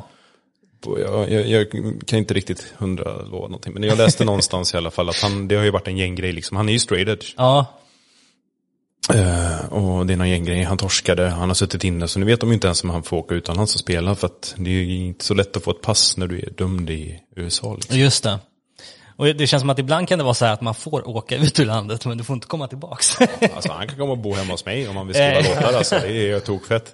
Minority Unit, ett av världens bästa band. ja, för fan. Hands down. Eh, du då Matte? Ja, det är en bra fråga. Eh, Du mycket, mycket döds. Ja. Tror jag. Mycket senaste Necrot. Är så jävla bra. Skeletal Remains är så jävla bra. Vi har ju skickat mycket döds till varandra också. Det sista, fan lyssna på den här skiten. Det är så jävla, som det här Karlstad-bandet eller vad de är. Jag skickade bara för någon vecka sedan som jag hittade. Fan, Ja, ja, ja, ja. Kom helt blank på det namnet, men Ja. det var ju... Pissbra alltså. Tekniskt och mosigt och rösten, alltså det var så här, och man Åh, bara, oh fan. fan, det här är svenskt alltså. Det var riktigt nice, jag ska fan kolla upp vad det hette. Trivsamt. Karlstad on the uprise, alltså vi snackar ju senaste, eh, eller jo, det var senaste avsnittet tror jag. Eller ja, för två avsnitt sen, eh, när Jens var med och tipsade om lite så här band som man kan ha missat från 2020. Framförallt då i Käng och Krustträsket. Eh, så var det ju så att eh, bandet men- Chronic Blackouts Aha, eh, från Karlstad inte hört om. spelade supermelodiös Käng som var svinbra. Coolt. Förlåt, men har man verkligen missat något i krust? Oj. Nej, det var lite så jag kände också, men sen, sen, kom, sen kom Chronic Blackout, så det var eh, stabilt. Coolt. Så kolla in. Jag, jag kan uppskatta konceptet krust, men jag kan inte uppskatta krust. Förlåt, jag sitter och letar efter det här jävla Karlstadbandet här nu. Alltså. Det sjuka är att jag hittade, han på, jag hittade honom på Instagram, för att gitarristen har ju blivit signad till Solar Guitars liksom. Jaha, Så jag bara, fan, det vad är det här liksom? Ja, det är från Sverige. Ja, shit. kolla upp liksom. Står det en gubbe där, en ganska, eller, eller typ, kan han vara i typ 20-årsåldern.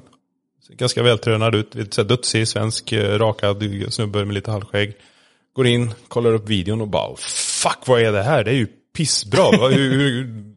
Alltså close-up måste ju komma tillbaka typ, så man kan få lite så här mer svensk dödsuppdateringar. För att det är ju ingen som har tagit den pinnen överhuvudtaget liksom. Nej. Det är Slave State kanske, men vad gör de liksom? Men det är ju det är ju bara webba, nej. Ja, det var ju fan en jävla dödsrevival där precis innan pandemin slog in. För Dismember gjorde väl reunion 2019, eller var det 20? Kanske Stockholm Death Fest. Ja, exakt. Scandinavian Death Fest. Ja. 2019 där. Och, och, plus den övriga feta jävla line-upen som var på den festivalen. Med dubbel headline av Dismember och grejer. ja, just det. Så att ja, vi får väl se. Då hade man ju velat se något så jävligt Ja, fy fan. Ja, 2023 kanske. Ja, precis. det var ju också jävligt sjukt att eh, det där var väl anordnat av samma snubbe som hade anordnat Florida Death Fest eller typ. Ja, det blev, det blev väl alltså Maryland Death Fest. Ja, precis. Och sen så skulle det väl blivit en Netherland Death Fest. Så var det. Och Dismember skulle nog spela på alla dem tror jag. Mm. Jag har det. Franchise. Reincarnaged. Reincarged. Ja, reincarnaged. Carnage. Fan Du har spenderat de? två minuter. Reincarnage. ja, Reincarnage heter de. Reincarnage, okej. Ja, kolla upp det. Ja, lätt. Bra, alltså. Lätt. Eh, det är ju där man får ta nu. Man får ta alla jävla så här, halmstrån för att få lite liksom, pepp, morsa hemma och så vidare. Och gräva i, i den redan existerande skivbacken. Ja. Och, Jag tycker att det har blivit svårt att hitta band som är nya som man blir wowad av liksom. Men det här var, jag blev, de har även D-takt vet jag i en låt.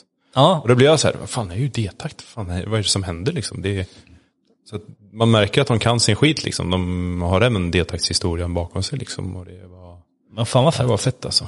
Det är ju, man, får, man får ta kliven från, eh, liksom, det är ju ganska många nya hardcoreband som kommer som är bra, typ eh, Three Ray Five som jag snackade lite om. Eh, kanske kan eh, uppfattas som lite plojigt. EPn heter Something to Mosh About. Men, eh, men det är bra, alltså det är riktigt bra. Eh, och eh, sen som jag nämnde, liksom, även om man inte gillar Cheng så Chronic Blackouts. Men eh, jag lyssnar väldigt mycket på liksom, såna här band som blandar stilarna liksom mellan metal och så. Harakiri for the Sky som, som har en ny platta på gång. Som är ett jävla plojigt bandnamn. Men Var inte de som hade med Nej, det är ju black metal-scenen så det är klart som fan att de har en Nasse-koppling. Liksom. Det- det- det- det- det- det- det- det- det- det- har läst någonstans de hade någon jävla gästsångare som spelade i något band med Åh, en fan. trummis morsa var hennes farsa, stod på en bar och uh, ryckte i höger. Nej, det är ju så det funkar i Ja, black metal-scenen liksom. det, det är ju det första man googlar. Is Ja. it safe to listen to? Bleep. Is this band black, is this black band band a nazi band? ja, exakt. Nej, tack. Kör. Men, eh, nej, men det är väl den skivan som jag eh, ser mest fram emot inom närtid då. Sen vet jag inte hur det ser ut med hardcore-släppen här. Jag vet att eh, Chromags featuring Harley har ju ny release på gång. Släppte han inte för... Jo, han släppte ju 2020 här eh, i december, men han härjar ju om att de har en ny platta som jag antar ska vara ute då innan de ska komma till Sverige. Liksom. Han spottar ju ur sig grejer. Ja. Vilt. Ehm, men är det något annat som ni vet som man bör ha koll på? Alltså jag försöker fundera Never på... stop the madness. Stockholm. Ja, Just det. Det, det tar ju ont, det, det gör ju ont i en att, att egentligen nämna Stockholm alls. Ja, som göteborgare. Men, men Blood Sermon har ju, Ja, Bloodsermon är pissbra alltså. eller hur? Det kan bli Existence tror jag, jag vet inte om de håller fortfarande håller på och skriver eller om... Senast jag hörde så hade blå, både Blood Sermon och Existence plattor liggandes. Liksom, Ja. Coolt. Väntandes på bättre tider. Outstand, Ja, just det. Just det. Göteborg Represent, La Bomba Edge med gänget, Double G's. Ja, Fan, de det är ju Tobbe också från Lovis Ja, Gucci fan. och Baby John. Våran Baby John är med där med liksom. De är ju sjukt peppade på den skivan själva i alla fall. Ja. Och, och har ju heller inte tagit några omvägar utan verkligen Nej. Liksom jobbat hårt med det där. Ja, men precis. Det kan man ju tänka sig och, och lyssna en eller två gånger på. Ja, det lilla jag har hört är pissbra alltså, men jag har inte fått höra hela för att den håller på att mastras och grejer fortfarande. Ja, ja, okej. Men det, jag tror att de ska leta bolag, eller om de letar bolag nu. Okej, Men okej. det, ja, ser fram emot den. Sen så, det är alltid något band från Malmö som kommer. Mm. Kassahuvud släppte väl nytt precis va? Terror 83 har ju släppts. Ja. Eh, och sen eh, på de stora internationella, i extrema quotation marks, men eh, Steel Nation har ju nytt på gång. Jag har köpt en tröja häromdagen alltså. Ja, fan vad nice. Eh, men, eh, nej men alltså, det känns ju som att band är ändå eh, produktiva och igång. Man väntar bara på att spelningarna ska komma tillbaka så man kan få... En sak som jag tänker på nu när vi, ändå det här med corona och sånt, liksom så att de här banden som ändå är ute och turnerar Tyskland en gång om året från andra sidan, New York framförallt kanske liksom. Varför har de inte passat på att släppa något nytt? Agnostic Front till exempel.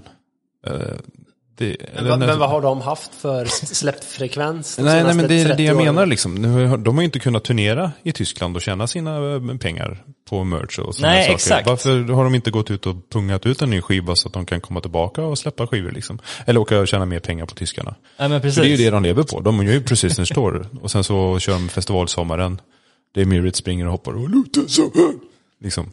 Ja, men exakt. Varför släpper inte de skivor? Eh, Freddie Madball var ju med och, och gjorde en klagosång i eh, The Post America Podcast som styrs av eh, Wisdom in Chains-bröderna där, eller ja. Är det den som sitter och snack, käkar och snackar hela tiden på någon Ja, diner va? ja, exakt. Men eh, det var ju början av pandemin och redan då var ju Freddie pa pa Pank, Punk, ringde han in och, och sa så att jag vet inte hur det går där riktigt, men, men alltså, jag kan förstå det liksom om man har, eh, speciellt alla band och alla jävla historier man hör om så här, okej vi har köpt en ny nightliner, vi har liksom byggt en scen, liksom, vi skulle ut på turné och sen bara whoop.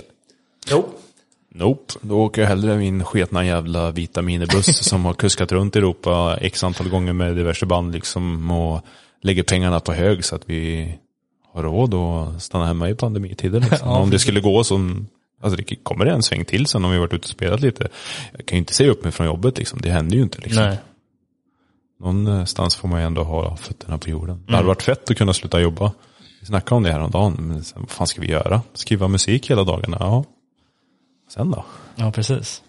Det blir väl så antar jag, liksom att, att innan man liksom ens har fattat vad det är som pågår så har det gått ett halvår. Och de här banden planerar ju ofta saker och ting väldigt långt fram i tiden. Jag menar, ett band som Madball eller Terror har ju garanterat haft oräkneliga antal turnéer som de har behövt ställa in en efter en. De, de hoppas väl på det bästa. Som sagt, helt plötsligt har det gått ett år och så kanske att de nu då börjar fatta att så här, okej, Det är dags att börja jobba. Ja, precis. Eller man, de, något man kanske sitter på en skiva som, ja vi släpper. Så exakt situationen som vi gick igenom.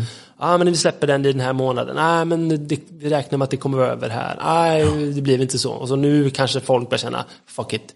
Nu är det bara ut med skiten.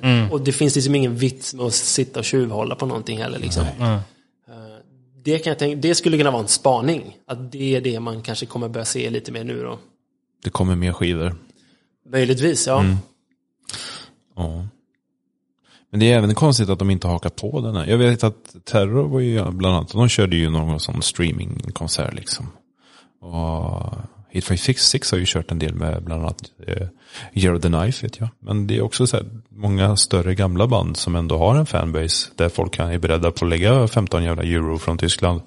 Och för att streama en sketen spelning mitt i natten liksom. Det, varför har jag, det känns inte som att han tar tillfället i akt heller liksom och drar in lite cash i tiden. Liksom, utan Nej, han sitter Scott- och väntar typ. Scott har ju flyttat tillbaka till Buffalo nu med, så att eh, det blir väl, de kommer väl köra ännu mer på den där. Vi ses i Stuttgart eller så här.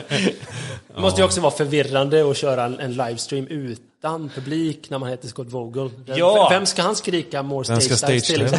Och vem ska sjunga istället för honom när han sjunger ett halvt ord per låt? Liksom? Chromax med Harley spetsen var ju tidiga ut med, med att göra just en livestreamad eh, spelning i början av pandemin där. Och då, han la ju den odödliga linen What's up all you motherfuckers out there in cyberspace? när, han, när han öppnade det här giget. Eh, där kan man ju ta avstamp i alla fall. Det är någon som har pitchat in den här briljanta idén till honom. Harley, vi ska, vi ska streama via cyberspace. Kommer du ihåg cyberspace? Ungefär när du var halvvägs igenom din heroinkarriär. Fan vad nice alltså. Ja. Cyberspace. Det får en att känna lite, det får mig att känna mig lite ung alltså. Ja, sammanfattningsvis då. Eh, skivan kommer i slutet av februari. Vart ska man vända sig till om man vill preordra? Evil Greed tror jag. Eller Ja. Death Wish. Det beror på vilken del av pölen du bor på alltså. Ja, Och eh, sån är det. frågan som har dykt in via de sociala, kommer det bli någon releasefest? Ska streama skiten. Via, via min Huawei Huawei-telefon. lur här med sprucken skärm över kameran. Sen så kommer Kina in och snor hela sändningen och så, Folkrepubliken. yes, Folkrepubliken. Nej, vi har inte pratat någonting om det. Det är väl knappast Nej, troligt. nej, jag. Det känns ju, alltså i, med tanke på vilken typ av band man är som har spelat två spelningar så är det lite så, ja, jag vet inte fan hur ball det hade varit. Alltså, hade folk varit, ens varit intresserade liksom? uh, Det, känns som att vi måste ut och kuska lite först liksom. Man måste börja någonstans. Det är det folk glömmer av. Och vi, det, det har vi också sagt, att vi är beredda på att göra om allting liksom. Visst, vi släpper på isolation, men vi, vi vill ju fortfarande sitta i en buss, må lite halvdåligt, bära in skit, spela och ha roligt, bära ut, sova kanske med en dörr öppen för att det luktar kattpiss i hela lägenheten. Liksom. Det är, vi, båda två har den moralen liksom, i våra tänk. Och det är väl också en anledning varför vi kommer så bra överens. Liksom. Vi har samma arbetsmoral. Göra en massa spelningar överallt. Få dåligt pröjs och kanske vara på gränsen till vitaminbrist liksom. För att du bara fått äh, sketet jävla överkokt ris med någon utblandad tomatsås typ alltså. Det är det göttaste det. Ja, fan en god punk. Man saknar ju till och med punkgrytor nu alltså. Man gör ju det. Och så går man till pizzerian på andra sidan eh, gatan och äter bästa pizzan i stan. Och så sover man lite sen utanför eh, vänster där alltså. Ja, eh, du visste att jag tänkte på det? Jajamän. Casa Piccola i, i Wien. Krama Mischo. Ja, nice alltså. Och det här gott folk är anledningen till att ni ska preordra Obstructions nya. Så vi kan komma ut och spela lite. Så att vi får komma ut och spela. Precis. Ja. Nej, men som sagt, alltså, vi har inget planerat liksom. För att vi... Det går inte, men det är självklart om folk är jätteintresserade och vill att vi ska ha en releasefest. Kom, vi kör liksom. Men hur ska vi köra? När ska vi köra? Det är det som är frågan. Med de orden så eh, hoppas vi att eh, ni får chans att komma tillbaka och snacka mer om, eh, om bandet och hardcore när det väl blir dags för uppföljning kanske. Eh, men tack som fan Matte och Jonas för att ni var med. Tack för att vi kom. Thank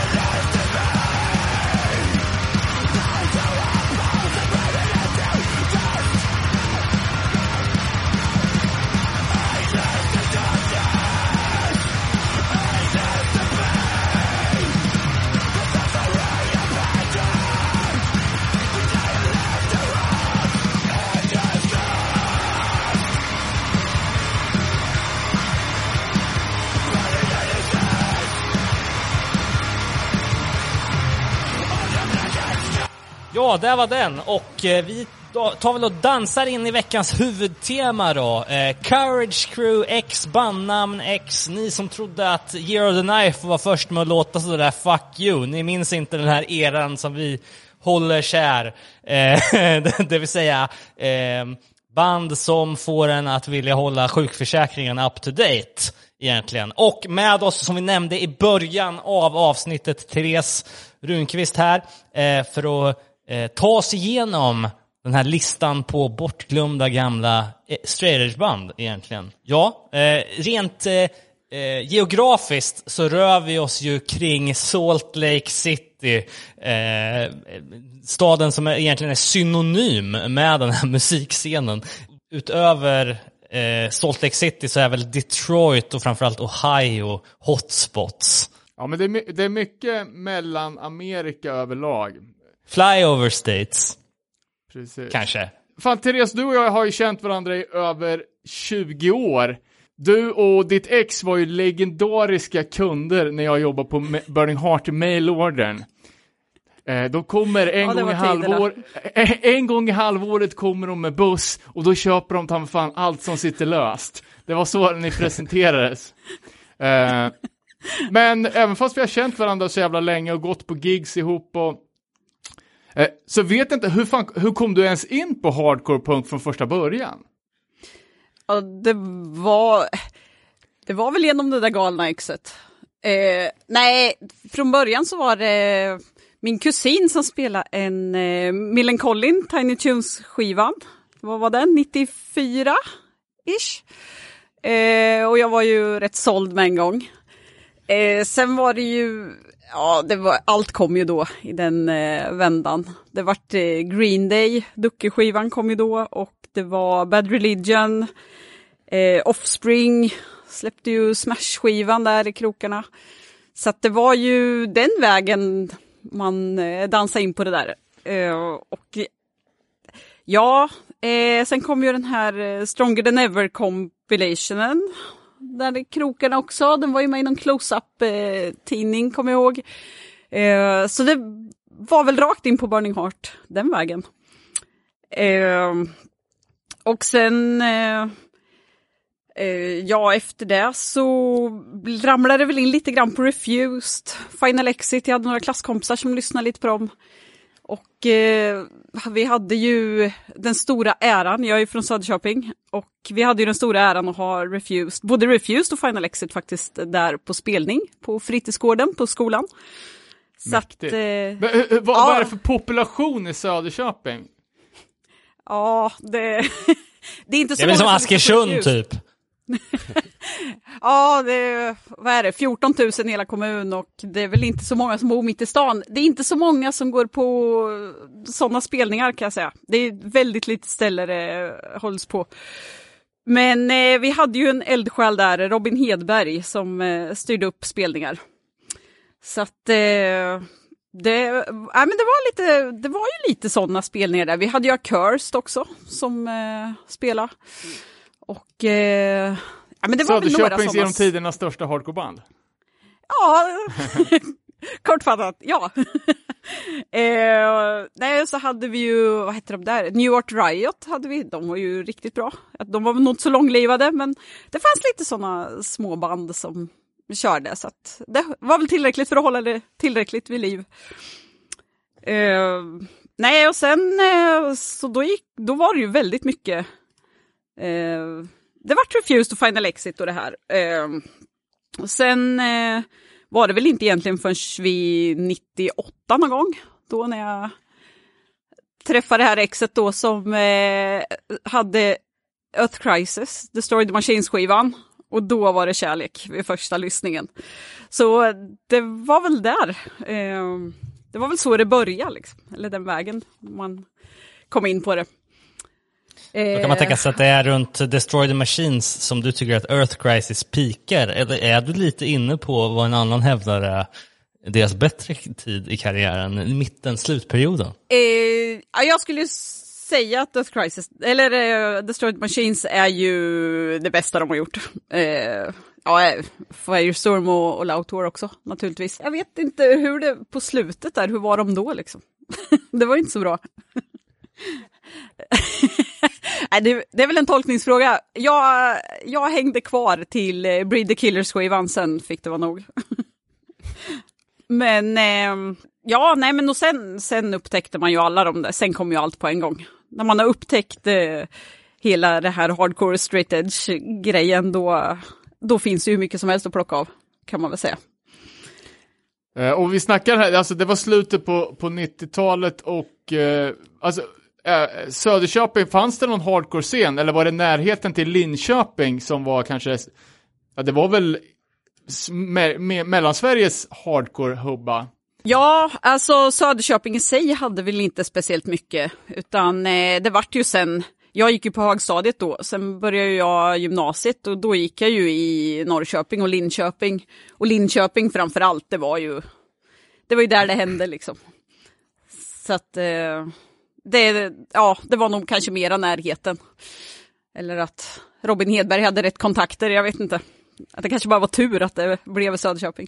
Men eh, jo, men eh, det var ju Linköping naturligtvis. Och då var det ju, det är ju alltså 97, 98 någonstans där. Så då var det ju väldigt mycket. Det var ju väldigt mycket i tiden. Det var ju extremt mycket spelningar och sånt. Då också ju, så att det var där Ja. det hände. Eh, för, för alltså det var ju väldigt mycket i Örebro också, men som vi har pratat om många gånger så fanns det liksom aldrig någon straight edge-scen, utan här vi åkte skateboard och drack folköl och spelade bowling liksom. Det var ju Millencolin Town all the way. Eh, men hur, hur var det liksom, ja, i Linköping, Söderköping, Norrköping, den perioden, så vi säger att straight edge var liksom men var, var, var straight edge förknippat med, med, eller helt synonymt med hardcore, eller var det någonting som, eller som en subgenre inom hardcore? Alltså 90-tals, den svenska 90-talsscenen var ju ganska, ganska stor, men hur var det hos er? Jo men alltså straight edge förekom ju rätt en hel del i Linköping, eh, som sagt. Man kom ju i kontakt med annat folk som var det också då. Och sen var det ju, alltså just då var det ju väldigt mycket, det var ju mycket aktioner, eh, blockader, det var ju mycket sådana grejer. Det var eh, innan jul varje år blockerar man utanför Södra Pälsbutiken. Eh, det var någon porrbutik som det eh, som man blockerade. Det var, det var ju alltså, ja, man brände McDonalds och det var tårgas och, på McDonalds också faktiskt. Och Var det brandbomber inte någon på som eldade upp Sibylla. McDonalds? Jo, det var det. eh, så att det, det var ju, det där var ju liksom, vad ska man säga, vardag. Alltså där hände det ju, du hade ju den här husockupationen i Linköping sen också, så att det var ju mycket sån där, eh, det var mycket sånt som hände. Det hände väldigt mycket, eh, kan man väl säga. Eh, både med djurrättsgrejer och straight edge scenen så. Sen var det väl inte, alla var ju inte straight edge heller, men det var ju väldigt förknippat med hardcore eh, ändå, skulle jag väl säga. Men vilka band var det som det var, var influerade av då? Överlag så var ja, det var ju Ja, mycket kanske inte, Crisis. om, inte bara du personligen, men, eller som, men du vet, vilka var de hypebanden som när man skulle då bränna ett McDonalds, vad, vad, lyssnar man på då innan liksom? Eh, ja, nu var det inte jag som gjorde det, men eh, vad kan man ha lyssnat på då? Eh, nej, men det var väl mycket Purification var ju väldigt mycket. Det var ju, eh, nej men, eh, ja, vad kan folk ha lyssnat på? Nej, men det var väl, eh, skulle säga, ja, men det var väl alla de här Victory-banden var ju stora. Alltså det var ju det i huvudsak skulle jag väl säga som folk eh, lyssnade på då. Ja. Ehm. Ja, men det, är, det är kul att höra för att alltså, innan internet, allting var ju så lokalt. Man hör ju ibland när man pratar om folk från en stad så var liksom, inte vet jag, Endpoint var ett av de viktigaste banden. Så kunde man komma till grannkommunen och så hade de aldrig hört talas om det och, och vice versa liksom. Så det är kul att höra vad Ja, men vi, ja du alla, tänker så. alla, ja. de, ja, men alla de här banden är ju alltså egentligen jävligt små och menar, Purification har ju sålt totalt liksom 2000 skivor. Så att det är ju ett minimalt band, men det kan ändå vara så extremt stort och viktigt i en liten krets. Liksom. Ja, jo men det, det skulle jag väl säga att det var. Och sen var det ju, men det var ju Pad of Resistance och det här också kom ju sen. Det var ju också, det vart ju också stort. Eh, Ja. så, ja gud ja, ja. jo, de, eh, det spelades ju också rätt flitigt. Ehm, men det var, ja, man tänkte ju inte så mycket på det då, för att de man hängde med, där lyssnade ju alla på det liksom. Så att, eh, ja, det var så bara. Eh, det var ju mycket Boysets Fire i den vevan också. Det var väl en ganska stor inspiration. Och eh, var med? Walls of Jericho var ju också där. Så det var väl mycket, alltså jag tror det var mycket ilska överlag. Uh, mycket, mycket orättvisor generellt. Ja. Och nu, nu ska jag bara, som en liten disclaimer här, så är ju Therese inte främst gäst på grund av att, att hon är en eh, aktivist, utan kanske mest för att hon är ett fan av musiken. Jag tänker, när Säpos agenter sitter och lyssnar här, så ni behöver inte raida hennes lägenhet efter det här. Nej, nej, jag själv var ju gravid i den vevan så att jag, jag var ju ganska lugn, det kan jag ju helt ärligt säga. så att, eh, men, men det var ju mycket, alltså, det var ju mycket, hela nazigrejen och allting var ju stort då med. Alltså jag har barn med en kille som inte är född i Sverige, det, alltså det var ju vardag att bli spottad på och jagad med baseballträ och, och sådär. Så att det är klart man hade rätt mycket ilska i kroppen alltså. Det var, det, ja, man kände sig inte alltid så jävla rättvist behandlad. Så att, eh, men då var väl det där, det var väl bra sätt. Gå på, vara våldsam på spelningar. Det var ju bra sätt att få utlopp för allt. Ja, nej, men så att det var väl det. Men som sagt, jag tror att det var mycket det här. Det hände så mycket runt omkring så att man kanske varit lite avtrubbad av det också. Att det var, ja, men allting som hände, eller liksom, ja, men som sagt, demonstrationer och sådana här grejer också. Det var ju sånt som, ja, men alla gjorde det på något sätt. Så att, Men det, det den eh, liksom ökända aura som Refused kom med och fick liksom hela svenska vegan straight edge scenen att ha med liksom de aktioner som följde i, i svallvågorna och deras musik. Liksom lite samma eh, fenomen kan man ju se i USA med de här crewen liksom med att det blev Ja men det blev jävligt våldsamt på spelningar liksom och det, det blev som en uppdelning typ. Att en del gick och blev mycket mer, mer det blev mer våldsamt och en del valde att så här, bara, men jag går inte på gig längre för att det, det är så jävla hård mors liksom. Men ja, för så var det väl. Men sen så finns det väl alltid de här som dras lite till våld också. De blir ju inte så långvariga någonstans. Men Nej, precis. det är väl alltid de som är, satsar mer på vålden på vad det egentligen handlar om. Eh, men som sagt, de blir ju inte så långvariga heller. Men sen var det väl ett, alltså, ja det kanske var ett hårdare klimat. Jag vet inte, jag som tjej har jag väl alltid känt mig välkommen. Jag, det har aldrig varit någonting så heller liksom, utan det är väl lite, det är ju upp till en själv hur våldsam man vill vara också, kan väl jag känna. Jag menar, jag har ju alltid känt att man har kunnat gått på spelningar även fast man var gravid liksom också, så det var, det, det var ju liksom inga konstigheter så, utan det är ju en otroligt varm stämning ändå på spelningar, trots våld, eller vad man ska kalla det. Så, så är det ju en, ja jag vet inte, det är väl en otrolig värme trots allt. Man, man hjälper varandra om någon ramlar eller om det är någonting. Alltså man backar alltid upp varandra. Och det är väl det som gör att man har fastnat i det här från början. Ja, det är unity, ta mig fan. Nej, men, Det är det verkligen. men ändå, alltså, vi, alla vi tycker liksom att, men även om liksom intentionerna är, är goda, så har det liksom alltid ändå funnits en, ett kittel av liksom det militanta, liksom, eh, att det ansetts som, eller i alla fall av de, de flesta, i alla fall av mig, att allt anses som intressant, spännande och coolt när man använder liksom, alltså, du vet, knogjärn eller maskingevär och sånt. Det har alltid varit lite tilltalande. Sen har, har man kanske inte själv skjutit ner eh, nazister, men jag, man skulle inte tveka på att liksom lockas av ett band som hade det, den lingon eller den estetiken. Eh, och jag kommer ihåg liksom när, det var väl typ i samma veva som Path of Resistance kom, liksom, när de släppte Who To Wins-plattan, och de stod uppradade maskerade ja, ni vet ju hur det ser ut på baksidan på det. Och det var ju typ det coolaste man har sett. För Ja, var det var ju det. Eh, och precis i, sa- i, i samma veva, så det var väl, i alla fall för mig, den första platsen man kunde se tatueringar på på internet. Eh, då fanns det ju ett community som hette BME, Body Modification E-Scene. Eh, och det här var ju liksom ett tidigt forum för folk som gillar att hänga i krokar och pierca sig och liksom strimla kuken och ah, allt det där. Men också hade de då ett galleri med bilder på tatueringar. Eh, och jag vet inte fan, det här var ju typ enda chansen som liksom, ah, hardcore kid som, som, som gillar, gillar tatueringar. Jag, jag tror det fan, det fanns inte tatueringsmagasin att köpa, det fanns inte, det fanns ingen, ingenstans på internet förutom det här på BME. Eh, och där hade de då olika, eller liksom olika kategorier.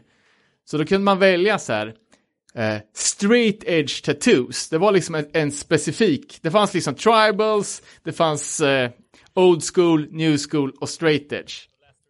Eh, Det och- var ju skitcoolt och av, av någon anledning så, eller så de var ju alltid de coolaste, för de hade liksom, ja men kanske samma tycke och smak som en själv liksom.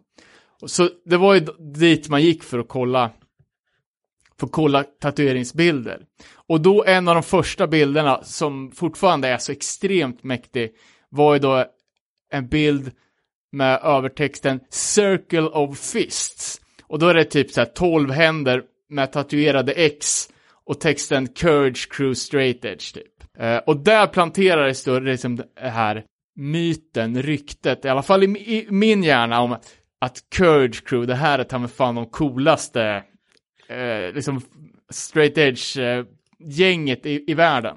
Eh, och sen har man liksom fan alltid hört om det, liksom det, man börjar läsa mer på internet och man har alltid hört att oh, de är så jävla sjuka, de gör det och det och det. Och likadant så här, Salt Lake City straight edge, liksom det är, är så extremt förknippat med olika saker som har hänt. Men jag bara tänker att bara, fan, vilka är de här? Liksom, antalet eh, nyhetsinslag som finns på YouTube som handlar om straight edge-gäng i Salt Lake City. Det är liksom 20-30 stycken. Men sen kommer man fortfarande inte knappt på ett enda band som kan vara associerade med alla de här galna straight edge-människorna. Och inte förrän Tyrant på 2000-talet eh, kom så visste jag ett enda band som var förknippat med Courage Crew. Eh, och det var det liksom som, eh, som kittlade sig alla mycket, att det var så extremt mycket rykten och myt, men man visste ingenting om dem. Vad, vad säger ni? Motala och eh, Påsboda, kände ni till Courage Crew? Jag, jag har ju bara fått tagit det här till mig via eh, att man har kommit i kontakt med det för att man har gillat typ de här lite tyngre X, Represent X och Tyrant och Deviant och sådär. Men, men det var ju liksom inte som att det fanns på ens radar förrän ganska sent i ens lyssnande liksom. Typ, säg att man kom in på hardcore typ 2007-2008, det var väl först typ 2011-2012 som man fick upp ögonen för den här scenen så att säga. Och det var ju för att någon ironiskt länkade ut på Ruckus eller någonstans att kolla det här klippet från någon Salt Lake City, Sivert Öholm som sitter och ojar sig över eh, liksom, eller den här National Geographic dokumentären om eh, militant straight edge liksom. Eh, men sen så måste Men det var väl mycket, det var väl mycket det där med att det inte fanns sociala medier heller liksom, så man hade ju ingen koll på det riktigt när det hände heller. Alltså det är mycket man har tagit reda på efteråt. Ja. Jag visste Ja, om det, men man såg ju den där bilden med Will Smith rätt tidigt. Ja, precis. Jag, jag lyckades aldrig ta, få reda på vad det var, för det var ju alltså en, en reality show som skulle göras med Courage Crew Ohio och, jag vet fan, någon typ av Will Smith-produktion. Är det någon som vet något mer om det eller? Nej, Jag googlade lite nu bara därför, men det verkar inte ha blivit något. Men det var ju någon, eh, ja men som du sa, reality-serie. Ja. Nej, men det var väl i efterspelet, alltså, precis som att att Refused var med i Aftonbladet 250 gånger en sommar, så liksom när det kommer ett nytt fenomen, alltså straighters har ju funnits i 20 år vid det här laget, mitten på 90-talet, eh, men när det blev liksom ett fenomen, fenomen för gemene man, då skulle ju alla tv-kanaler haka på och göra ett reportage. Uh, och det var ju då liksom det, det, det Fan, det är, ju sen, det är ju att media vill ha någonting sensationellt och då var de ju tvungna att tweaka det här liksom att att, att de skulle liksom ja, ta fram det militanta. Nej men alltså jag tror säkert att det skulle funka med någon slags real tough guys of Salt Lake City, liksom med tanke på karaktärerna som fanns, Dave Hayes och sådär. Men också, anledningen till att man tog sig in på den här typen av musik, det var också alla jävla stories som man fick höra. Typ det här murder ball, liksom att de slängde ut någon amerikansk fotboll i publiken och den som hade den i slutet av låten fick gratis eh, merch. Liksom. Vilka gjorde det? Ja, det var ju Tyrant. Och att det typ, att det var standard att när de slängde ut bollen, att det var minst ett öra som skulle ryckas av. Ja men precis.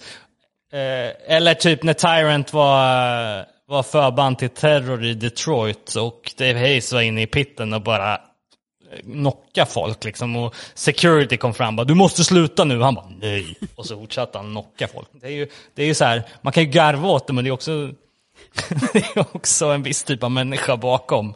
Eh, som man väljer att ha ett soligt perspektiv på i den här podden. Eh, ja, vi har väldigt, eh, vi är väldigt toleranta mot vissa grejer, inte så toleranta mot andra saker. Nej men var, var, lite, var, var inne på där liksom att straight edge vart en grej för, för gemene man. Och jag tror det alltså, om du, jag vet inte, frågar någon random person som har noll anknytning till hardcore så vet de ju nu för tiden nog vad straight edge är. Och jag tror att de allra flesta har någon typ av bild av att folk som är straight edge gärna spöar folk som till exempel röker. Eh, och, eller? Ni som är straight edge, har ni upplevt den, den fördomen eller? Nej, jag skulle inte säga det. Inte just i våldsamt, i våldsamt syfte så. Däremot så är det väl mer åt andra hållet, att man är jävligt tråkig.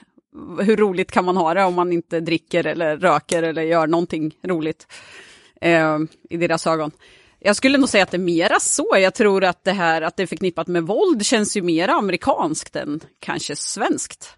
Ja, Jag vet inte, jag har aldrig upplevt att straight edge i sig, jag har aldrig upplevt att straight edge i sig har varit mera våldsamt än, alltså jag får ju känslan av att folk anser hardcore mera våldsamt än kanske straight edge i sig. Ja, och det är ju också beroende på sammanhang liksom. Om det inte är på en fest, då brukar det vara mer så här, jaha, är du kristen liksom? Men, eh, men är det i samband med fest, det är, då kan det ju snarare bli uppror liksom. Eh, det är samma sak som man säger att man är vegan och någon sitter och käkar kött och bara, jaha, äter du bara sallad? Nej, jag äter människa också. Men eh, ja, det är ju mycket beroende på sammanhang. Såklart. Men liksom, även fast... Eh, Men eh, det känns ju svårt att säga att eh, den här liksom eh, jag skulle säga mer i vegansammanhang så tror ju folk att man är någon liksom aktivist som, som springer och släpper ut minkar. Liksom. Eh, det här eh, renlevnadsrocken som Fredrik Lindström så fint kallar det för eh, handlar väl mer i Sverige om att man är religiös eller bara dum i huvudet tycker folk. Nej, men jag- jag- jag Eh, tror- Eftersom eh, krö kröken är ju så jävla mycket mer segmenterad i våra, våran kultur än i Ja, den är fan USA. helig. Nej, men jag, jag tror att det, det, kan, det kan vara så, så att liksom eh, fördomen mot att eh, straight edge folk skulle liksom ja, vara militanta eller se ner på, på fyllon kanske är mer en amerikansk grej. Eh, för att när det här kom till Sverige, alltså när, när mediadrevet angående straight och veganism kom till Sverige så var det ju så mycket fokus på, alltså Refused Umeå-scenen och då var det ju liksom aktivismen handlar ju om djurrätt. Då var ju inte aktionerna liksom motiverade av spriten. Eh, även, måste jag säga, som jag tyckte var jävligt kul, eh, jag läste liksom, eh, så Systembolaget i Umeå hade ju angripits av militanta nykterister eh, var i löpsedlar. Skyltfönster hade krossats och slagord hade sprayats. Ett brev lämnades ut till flera lokala medier eh, och syftet var att visa på alkoholens negativa effekter. Pressmeddelandet undertecknat av Straight Edge Terror Force. Eh, och det var väl någonting som Final Exit hade som undertext. Men det roliga med det här då, det var ju att eh, Systembolagets pressansvarig Nej, det är första gången någonting sånt här har hänt i Systembolagets hundraåriga historia. Det, är liksom, det säger någonting om, om svenskens jävla villkorslösa kärlek till Systembolaget. Att ingen har någonsin liksom lackat ur. Men det var ju i det där, det var ju någon personal på eh, Systembolaget där uppe. De kände sig ju rädda när de gick hem och allting för att de skulle bli påhoppade. Och det var ju Alltså. livsfarligt att jobba på Systembolaget där en sväng. Vilka jävla hycklare. Meanwhile, liksom, så varenda jävla helg så är det något fyllo som slår sönder en busskur, men då är det minsann inte alkoholens fel. Sug min... Ja. Ja, men det är ju lite så. Jag tror de mera anledning att vara rädd för någon som eh, ska komma förbi och våldta på natten som är på fyllan än att det ska komma Ja. någon straight edge-aktivist och Jag slå ner henne för att hon jobbar på bolaget. Eh, nej, jag vet inte. Eh, alltså om jag säger så här, även om de är mästare på liksom att anamma coola symboler och liksom så här en jävligt tough guy attityd, så är de ju också mästare på att ta sig själv på alldeles för stort allvar, de här banden. Eh, jag, jag tänker på alla jävla musikvideos man har sett med typ Represent till exempel, när de golvar någon snubbe i en jävla eh, gränd bakom en bar liksom. Eh, det är ju också så jävla töntigt liksom. Ja, jag vet inte fan. Nej, jag bara skojar. Nej, äh, nej, men absolut. Ja, äh, men alltså vi har ju snackat om eh, lite av de här temana förut. Vi hade ju ganska nyligen ett avsnitt om Antifa. Eh, vi har ju haft även den mörka sidan av eh, hardcore, nämligen nazi-edge eh, fascistcore-avsnitt. Eh, och jag tror, vi har väl även pratat om liksom politisk aktivism och så här. Eh, men det är, inte, det, är inte så, det är inte så ofta som, eh, ja, och vi har, eh, därför att klippa. Eh, men i ett av, i ett av våra första avsnitt så pratar vi om Etuna Hardline. Kommer ni ihåg det? Det var något klistermärke eller någonting som har kommit upp. Och det var ju fem sex år sedan.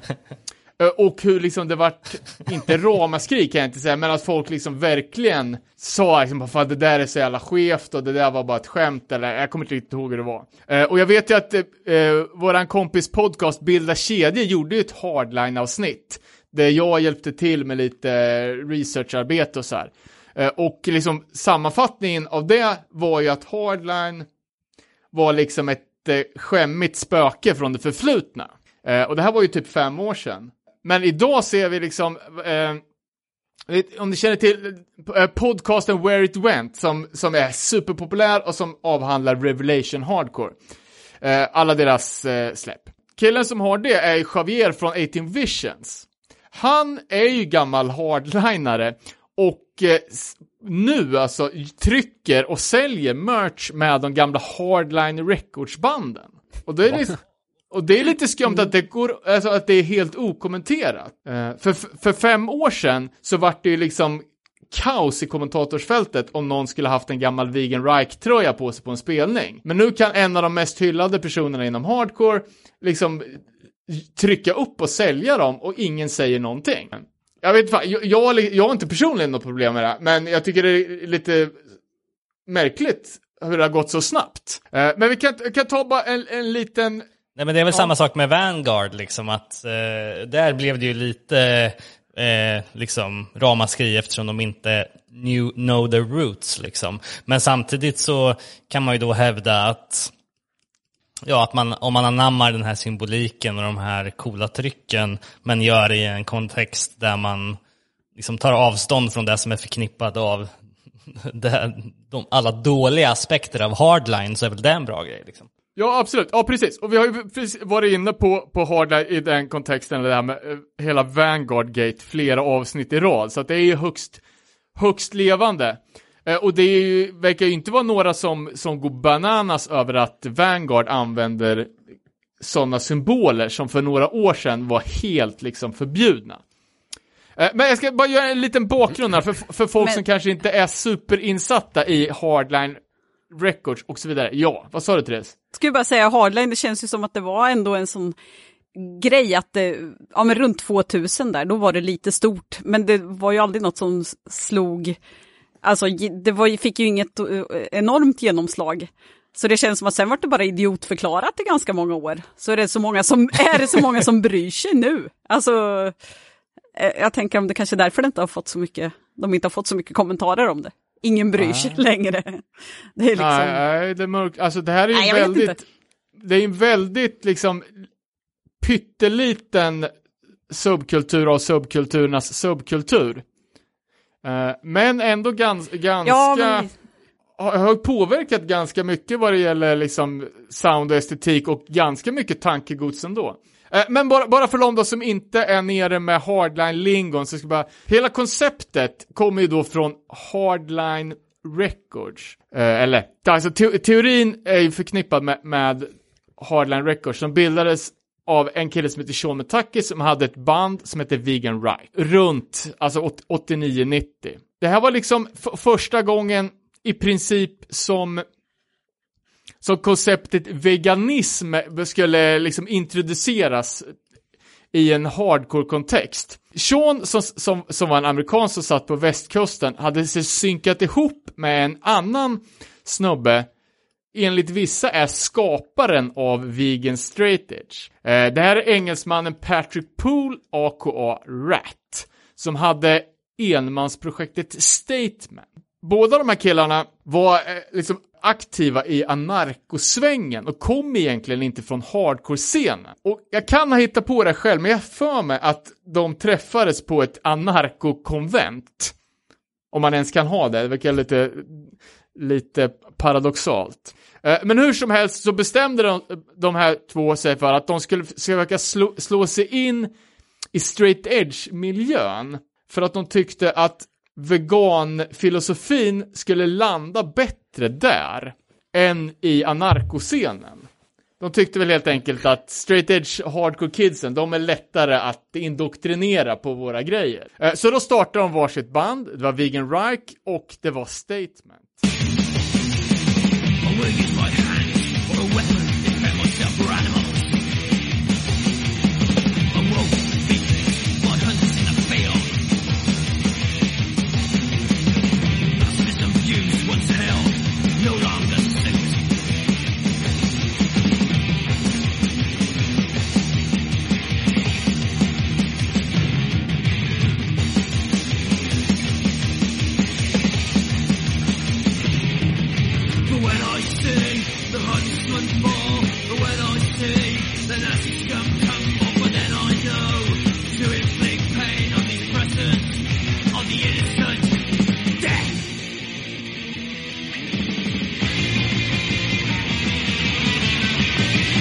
Statement fanns ju redan, han har ju släppt kassetter under namnet Statement ända sedan 1984 och gjort en jävla massa, alltså typ 20 tapes. Dock vet jag inte riktigt hur de, vad det var för stil på det hela.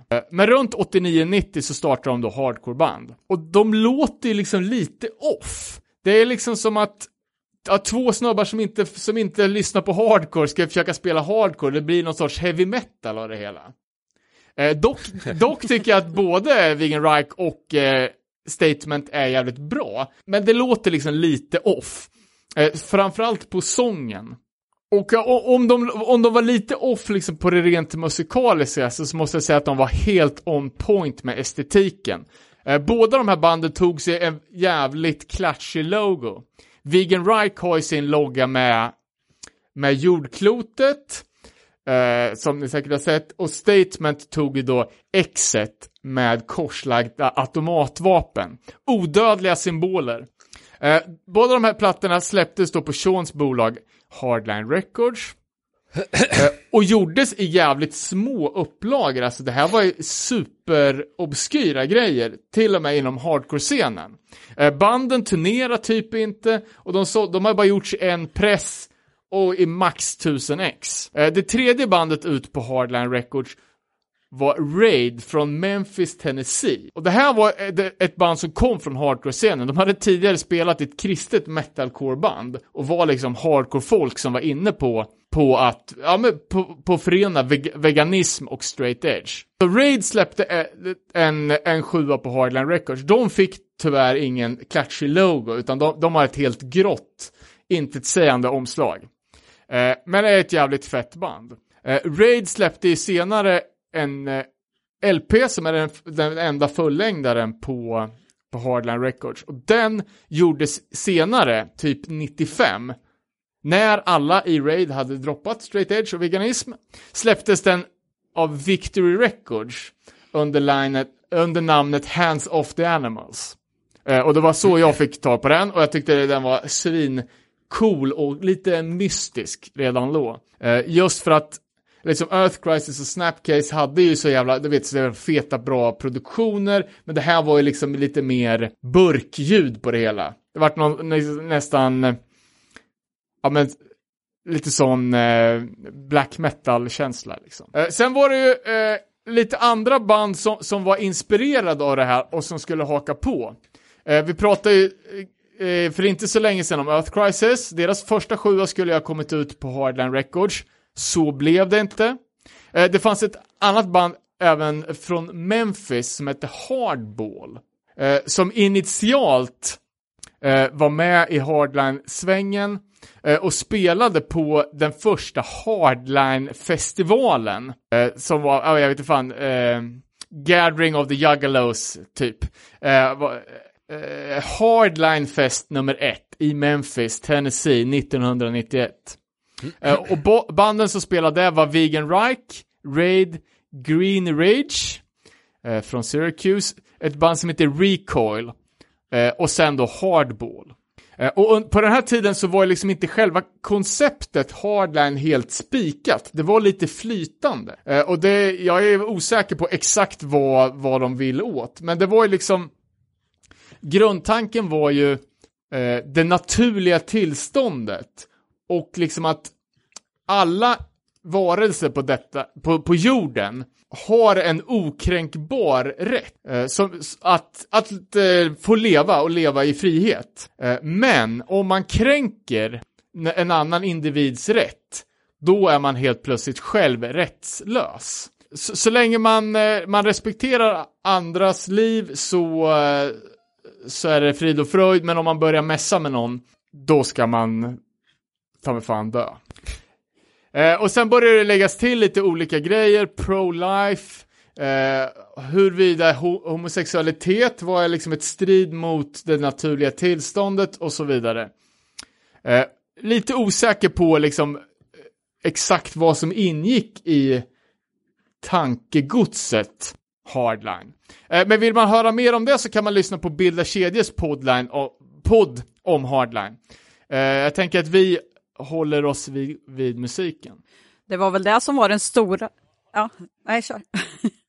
Ja, men, jag, jag, kommer, jag kommer komma till det också. Eh, jag ska bara dra en, en, en, en snabb då om, om, eh, om hardball. Ja, men jag vill bara säga, jag vill bara säga eh, att man kan, om man ska sammanfatta hardline så kan man väl säga att det är liksom en mer extrem variant av hinduism med mycket mer grova konsekvenser för övertramp. Ja, ja, men precis. Ja. Ja, hard, hardball då, som skulle, skulle släppa på hardline, eh, vart ju då oense om hur vidare bandet kunde backa den här ideologin. Eh, så bandet splittrades eh, och eh, sångaren Rob R. Rock startade ett nytt band och ett nytt bolag. Det nya bandet hette Naked Angels och samma år som Vegan Reich släpper skivan Hardline så släpper hans band Naked Angels en Hardline diskskiva som heter The Real Hardline. Eh, och eh, den andra delen av Hardball gick vidare eh, och blev, ja, ena halvan av Hardball blev Hardline, den andra blev Anti-Hardline. Eh, sångaren Ryan från Hardball tog över fanzinet Vanguard efter att grundaren Sean Mutaka hade lämnat Hardline för att själv bli muslim. Eh, så det är typ så här backstoryn på själva Hardline Records. Eh, en ganska obetydlig liksom liten händelse i hardcore-historien väldigt tidigt 90 när också hardcore i sig var pisslitet. Nej, men vad, vad de här banden gjorde, det var ju att influera band som framförallt Earth Crisis, som sen ritade om hela jävla kartan för hardcore och i liksom, ja men var ju den absoluta rebirthen av straight edge. Eh, och sen Earth Crisis spånar ju liksom, inspirerar ju en miljon band som skulle kopiera Earth Crisis-stil och där börjar ju tankegodset från den gamla hardline-tiden liksom ploppa upp. Men alla band, typ, som kom efteråt var ju in, i, kanske inte uttalat hardline, utan här började liksom folk, det började ryktas om att vissa medlemmar var hardline, det vart lite fencewalking det började liksom, ja men folk började liksom flörta med den grejen. Uh, och att det blev liksom så jävla, liksom, ja, så mycket rykten och liksom, den andra generationen, då var det liksom inte så uttalat, utan då var det mer en, ja men så, så, som sagt, hardline fence-walkande. Det är också eh, en konsekvens av en, eh, vad ska man kalla det för, rörelse slash ideologi som är så löst sammansatt så att eh, den liksom, nej, det är lite som vis, viskningsleken, liksom, att till slut så har det viskats tillräckligt långt så att det är inte alls samma sak för den som anammar det nu som det var då. Liksom. Nej, ja, jo, det var ju då, ett bra exempel. Men det var väl mycket så också där i början på 2000, jag vet som i Linköping, det var ju ändå, man såg ju ändå lite upp till det, det var ju ändå en inspiration med Hardline, även om man inte vågar gå hela vägen själv så var det ju en stor inspiration någonstans. Det var ju lite det där med att flörta med det förbjudna. liksom. Det är ju sådana jävla konsekvenser, så där vågar man ju liksom inte riktigt, man gick kanske inte över, även om man kanske tyckte lite eh, att de hade mycket poänger där, så vågar man väl inte gå över riktigt själv. Det är lite rädsla för att göra fel där. Ja, men, men Therese, känner du till några svenska hardline-band? Nej, det skulle jag inte säga. Inte rakt av sådär. Det är ju som du säger, det gick ju mycket rykten eller sådär. Eller att det var någon som eventuellt var i något band eller sådär, men inget bekräftat så liksom. Nej, jag, jag, jag kollar på på Hardline Wikipedias svenska artikel och då stod det en lista på massa band. De allra flesta är ju band som inte har släppt någonting. Men så stod det även eh, Domaren och Böden, Eskilstuna, Sweden. Aldrig hört talas om. Inte jag heller. Jag vet inte. Skulle det vara nytt eller gammalt? Ja, det, det, vet jag inte. Ja, jag är bara nyfiken. Men alltså, det, Hardline är Sveriges Bigfoot. Alltså, det är någon jävel som planterar ut lite hårstrån här och där, gör ett fotavtryck liksom, kommenterar något forum. Alltså, det är liksom, det känns som det. Ja, men det var väl lite så, alltså, och det fanns ju folk som uttalat var hardline och då gick man in på Burger King med tårgas. Det hände ju. Eh, sådär, men sen vart det ju inte så mycket mer av det. Eller liksom, nej, det var väl, nej, det gick väl inte, och det är ju som du sa Robin också det här med att det var ju lite löst sammansatt, alltså vad var det för grunder egentligen? Det känns mer som, det var någon som tyckte att det skulle vara så här, det var inte så mycket, det är ingen eh, klar ideologi riktigt heller bakom det, känns som. Nej, jag vet inte. Det, det var nog svårt att få det där att bli någon stor grej. Mm. Därför, för...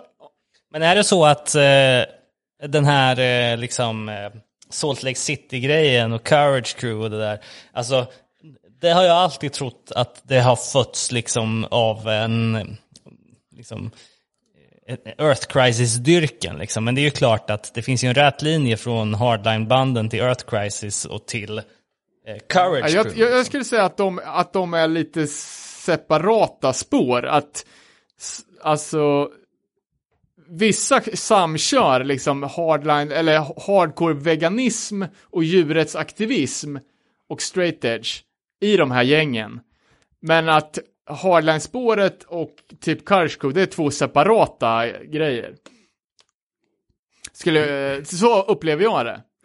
Eh, uh, och, och det, men det är så, om man kollar på, liksom på, på en lista på vilka band som sägs ha varit ett hardline-band, eh, så är det ju nästan bara band som liksom inte finns, eller som inte har släppt någonting, väldigt obetydliga band. Eh, sen finns det liksom så här bara typ massa band som säger bara, oh, det, här, det här är medlemmar av hardline-folk, eller typ så här associerade med. Uh, och då börjar vi liksom komma in på band som Day of Suffering, Contemption. Ja, Day of Atonement var väl också lite åt det hållet då. Eh, ja men Purification och Slave Ark och det är ju ma massor med, med band, både amerikanska och eh, europeiska, men det är fortfarande jävligt obskyra band.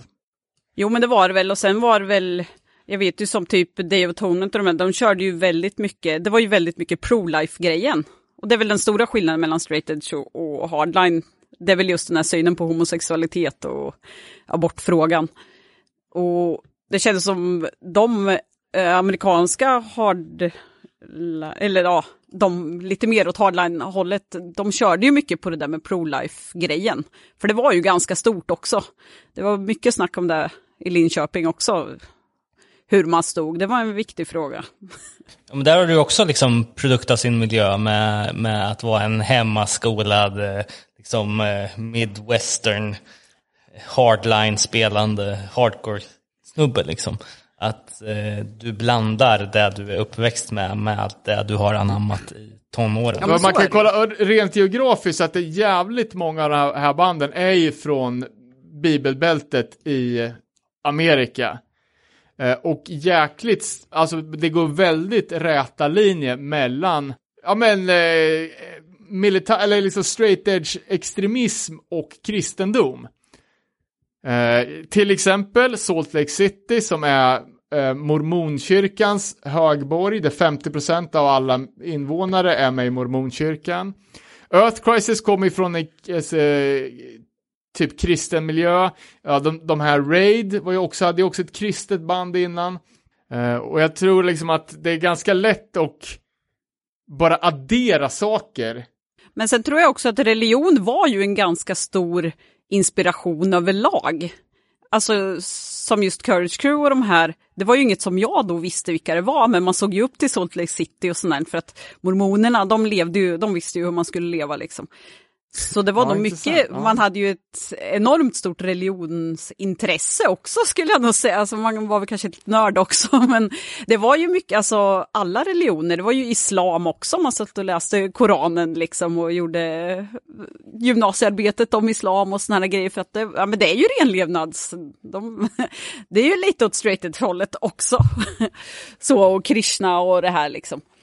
Eh, det är ju mycket renlevnad i religionen och sen vart det ju, sen kom det ju alla de här eh, kristna inspirerade hardcorebanden och sånt här också då. Eh, Ja, ja intressant. För det, så, det var ju eh, noll religionspepp liksom på, eh, på de eh, vi få hardcore kids i Örebro. Som då liksom var marxister och var emot religion per definition. Liksom. Ja, nej, då är det nog en skillnad för att eh, nere hos oss där var det betydligt mer religionskunskap. Det var ju jätteintressant. Alla var ju mera insatta i det där. Eh, Så det var ju höga betyg på religionslektionerna. nej, men det var ju lite, alltså, du har inte alla mormons bok och Koranen hemma eller? Nej, men, Nej, men det var- taggad det var mycket inspiration därigenom, men det var ju mycket just genom det här med renlevnad så, och ja men de hade ju en vettig syn liksom. Sen kan man ju tycka vad man vill. Jo, men, och, och, och där man, det, det är väl den raka linjen man kan dra också mellan hardline, liksom In Defense of All Life och Courage Crew, liksom. Eh, att lite där man, jag vet inte hur pass militant man var i sin renlevnadskultur inom hardline, det var man väl, men, men eh, liksom, det var också mycket djuret att så här, eh, ja men, aktiva aktioner och så. Eh, och det är väl lite samma sak med liksom Courage Crew, att så här, ja, vi, vi är så jävla straight edge så att vi tänker golva dig om du har en bira i handen. Liksom. Ja, men jag kan tänka mig att det var mera så där också. Jag menar, alla i princip är mormoner i Salt Lake City. Då vill man väl dra det lite längre. Alltså, du är inte extrem av att bara eh, låta bli att dricka eller ta droger eller sånt. Du måste ju göra något mer för att stå ut liksom. Ja men precis, och det är det jag tänker så här att både Hardline och Courage Crew och allt sånt, liksom, alltså, redan från början är det ju ganska extremt att inte dricka. Redan från början är det ganska extremt att inte äta liksom kött eller ägg eller dricka mjölk, liksom. alltså utifrån den generella. Och det är ju också då de Ja, exakt. Och då är det klart att en extrem livsstil attraherar ju till sig extrema människor som är villiga att ta extremiteten eh, som sen blir norm och, och, och liksom behovet av att göra någonting ännu mer extremt i form av hardline eller, eller liksom Jo, men så är det ju. Men sen är det ju lite konstigt att det ska behöva vara extremt i, idag att man inte dricker. Alltså det är ju en ganska sjuk, egentligen så är det ju ganska sjuk grej om man tänker på det, men ja, det är ju så. Folk tycker ju att det är ju inte, går man, eh, ja men som en annan då, så går man i en klass och är den enda som inte dricker, då är det ju jag som är konstig, medan de andra går ut och, och röker på och dricker på helgerna. Det är fortfarande jag som är dum i huvudet. det, är, det är ju ett jävla märklig grej alltså. Eller vegangrejen med att, alltså jag har ju aldrig förstått vad som är så extremt med det egentligen. Det känns ju, det borde ju vara mer naturligt än vad det är snarare. Men det är ju mina värderingar. Men sen var det ju en större grej, hela vegangrejen var väl kanske mera militant än straight edge-grejen här. Eh, och veganism var väl, eller hela vegangrejen var väl, det var ju svårare att vara vegan i början på 2000-talet än vad det är idag. Idag kan du gå in på vilket ICA som helst och köpa vegangrejer. Då fick man åka till Stockholm liksom för att köpa veganost typ. Så att då var det väl kanske lite mer extremt. Ja, också, ja, det är fan respekt för de som, som var veganer på 90-talet, alltså. Hat, hatten av. Men det, alltså, det är ju väldigt mycket, om vi bara, ska börja snacka om Courage Crew och Monster Crew från Salt Lake City. Eh, det känns som en jävla killfest. Alltså fanns det några militanta, ta militanta tanter i, på 90-talet, Therese? Eller var du Eh. ensam tjej mot packet? Nej, nej, i Linköping fanns det brudar. Det var, nej men ja, det fanns tjejer. Det var inte, det var inte lika många som killar, men det fanns. Det var ju, jag skulle inte säga att det var helt ovanligt. Eh, sådär. Så att det fanns, och de var militanta en del av dem också. Så att, ja, det, det, det var där de fanns. För jag, jag kollar, alltså den här senaste veckan, jag har gjort sån jävla deep stalking på Instagram av olika 40 plus killar som tränar på gym och är egenföretagare. Det vill säga Courage Crew. Eh, det här crewet så, som man har hört talas om och som har såna jävla skrön, eller som stories om sig och så satt skräck i hardcore-scenen länge. Eh, och som har funnits liksom sedan mitten på 90-talet. Jag, kan- jag kunde inte komma på ett enda band från 90-talet som var associerade med Courage Crew. Eh, men man såg crewbilden så var det liksom 40-50 pers. Jag tänkte det här måste ju, alltså det måste finnas massor med band, vart fan är de? Eh, men det var, antingen är det jag som är dålig på att researcha eller också har de, har de inte varit så produktiva. Men bandet, eller bandet, eh, det här crewet är i alla fall grundat i Eton, Ohio, eh, mitten på 90-talet av bröderna Ron och Dennis Fox. Eh, tillsammans med sin, eh, eh, sin kusin. Eh, Ron sjunger i bandet Battleground, som var liksom Courage Crews, ja men eh, flaggbärare. Eh, och eh, jag hade aldrig hört talas om, om Battleground förrän jag började kolla upp på det här. Eh, och de har, eh, alltså, de, de gjorde sin sista spelning typ för fem år sedan. Eh, och började 95 och har ändå bara lyckats göra en demo. Ba eller demon heter The War Still Rages On. Eh, och är väl ganska slätstruken 90-tals typ tough guy med dubbel, dubbelsång och en så jävligt så här spänd 90-talsvirvel och gitarrskrik. Eh, demon avslutas med en riktig jävla anthem banger som heter Straight Edge Warrior. Eh, och den tänkte jag vi kunde klippa in lite av här.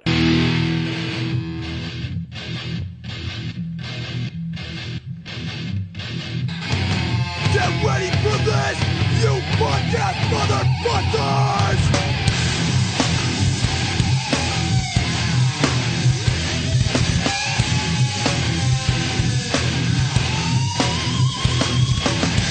Home of the brave, train a soldier, fight for life, choose your death. Home of the brave, Straight soldier, trust me for life. Shoot till death, home of the brave. Straight soldier, trust me for life. Shoot till death, home of the brave. Straight soldier, trust me for life. Shoot till death.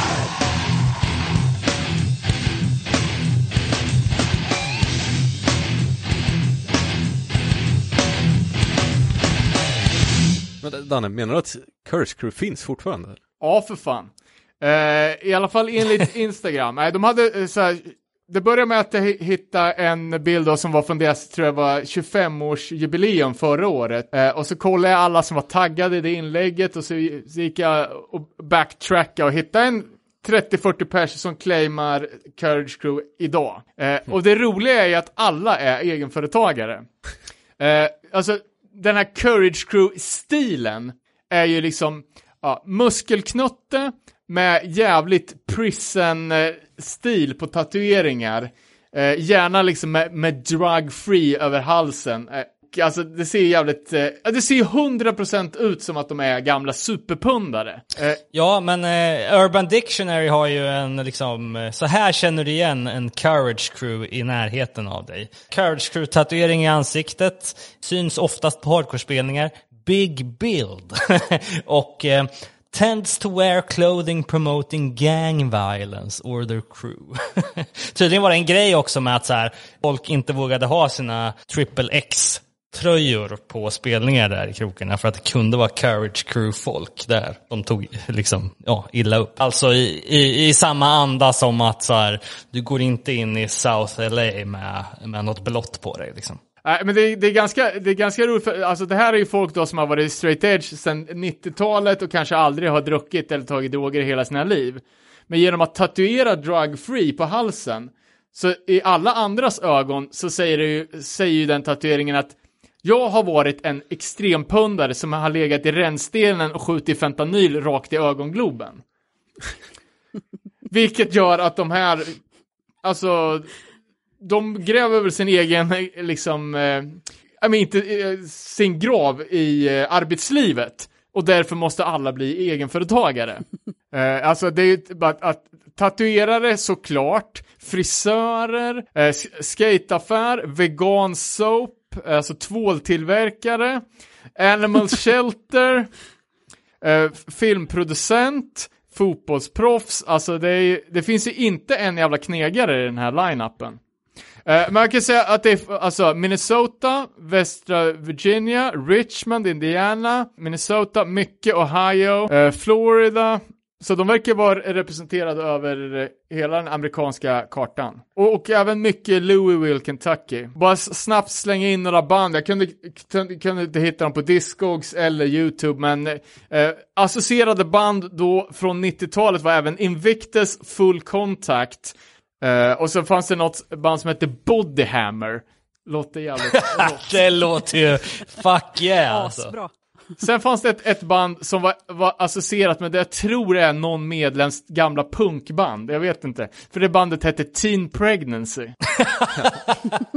Men du, jag har hört något om att, eh, det här stämmer säkert inte, men jag såg något rykte bara om att typ Bad Luck 13 var associerade med Courage. Och det är ju som, som med Harlan, alltså går jävligt mycket rykten, alltså typ Earth Crisis, eh, American Straight Edge, klädesmärket, att det finns ju massor med band som, eh, som löst associeras.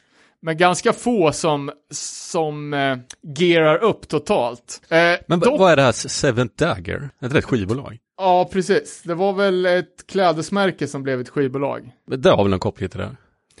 Eh, Ja, jag vet inte. De släppte ju Tyrant och lite sådana... Har inte de släppt Represent också va? Oh, och Armed for Battle. Var det inte de som gjorde den t-shirten där det står typ Kill your local drug dealer? Åh, säkert. Eh, såg en ganska rolig rip-off på den. Då var det istället för maskingevär så var det en telefon. Så stod det Call your local drug dealer. Från Chula Vista eller? Ja, men typ. Eh, sen så, en annan snubbe då, eh, som ganska otippat har spelat i, eh, av- förutom då hardcorebanden Embrace Today och Panic, eh, Scott någonting. Scott Peacock heter han. Spelat Embrace Today, Panic, eh, men även i lite mer eh, fyllekompatibla bandet Some Kinda Hate som släppte på Bridge 9. Han är numera hängiven frimurare. Nej, vad fan. Och det, det, var, det var någon annan av de här gubbarna som också var frimurare, så den här liksom gängmentaliteten är ju verkligen rotad. Men det är så jävla Ja, men alltså det är ju så här, folk de kan inte liksom, de kan inte ge sig utan de de, måste måste, ha ett liksom. sammanhang.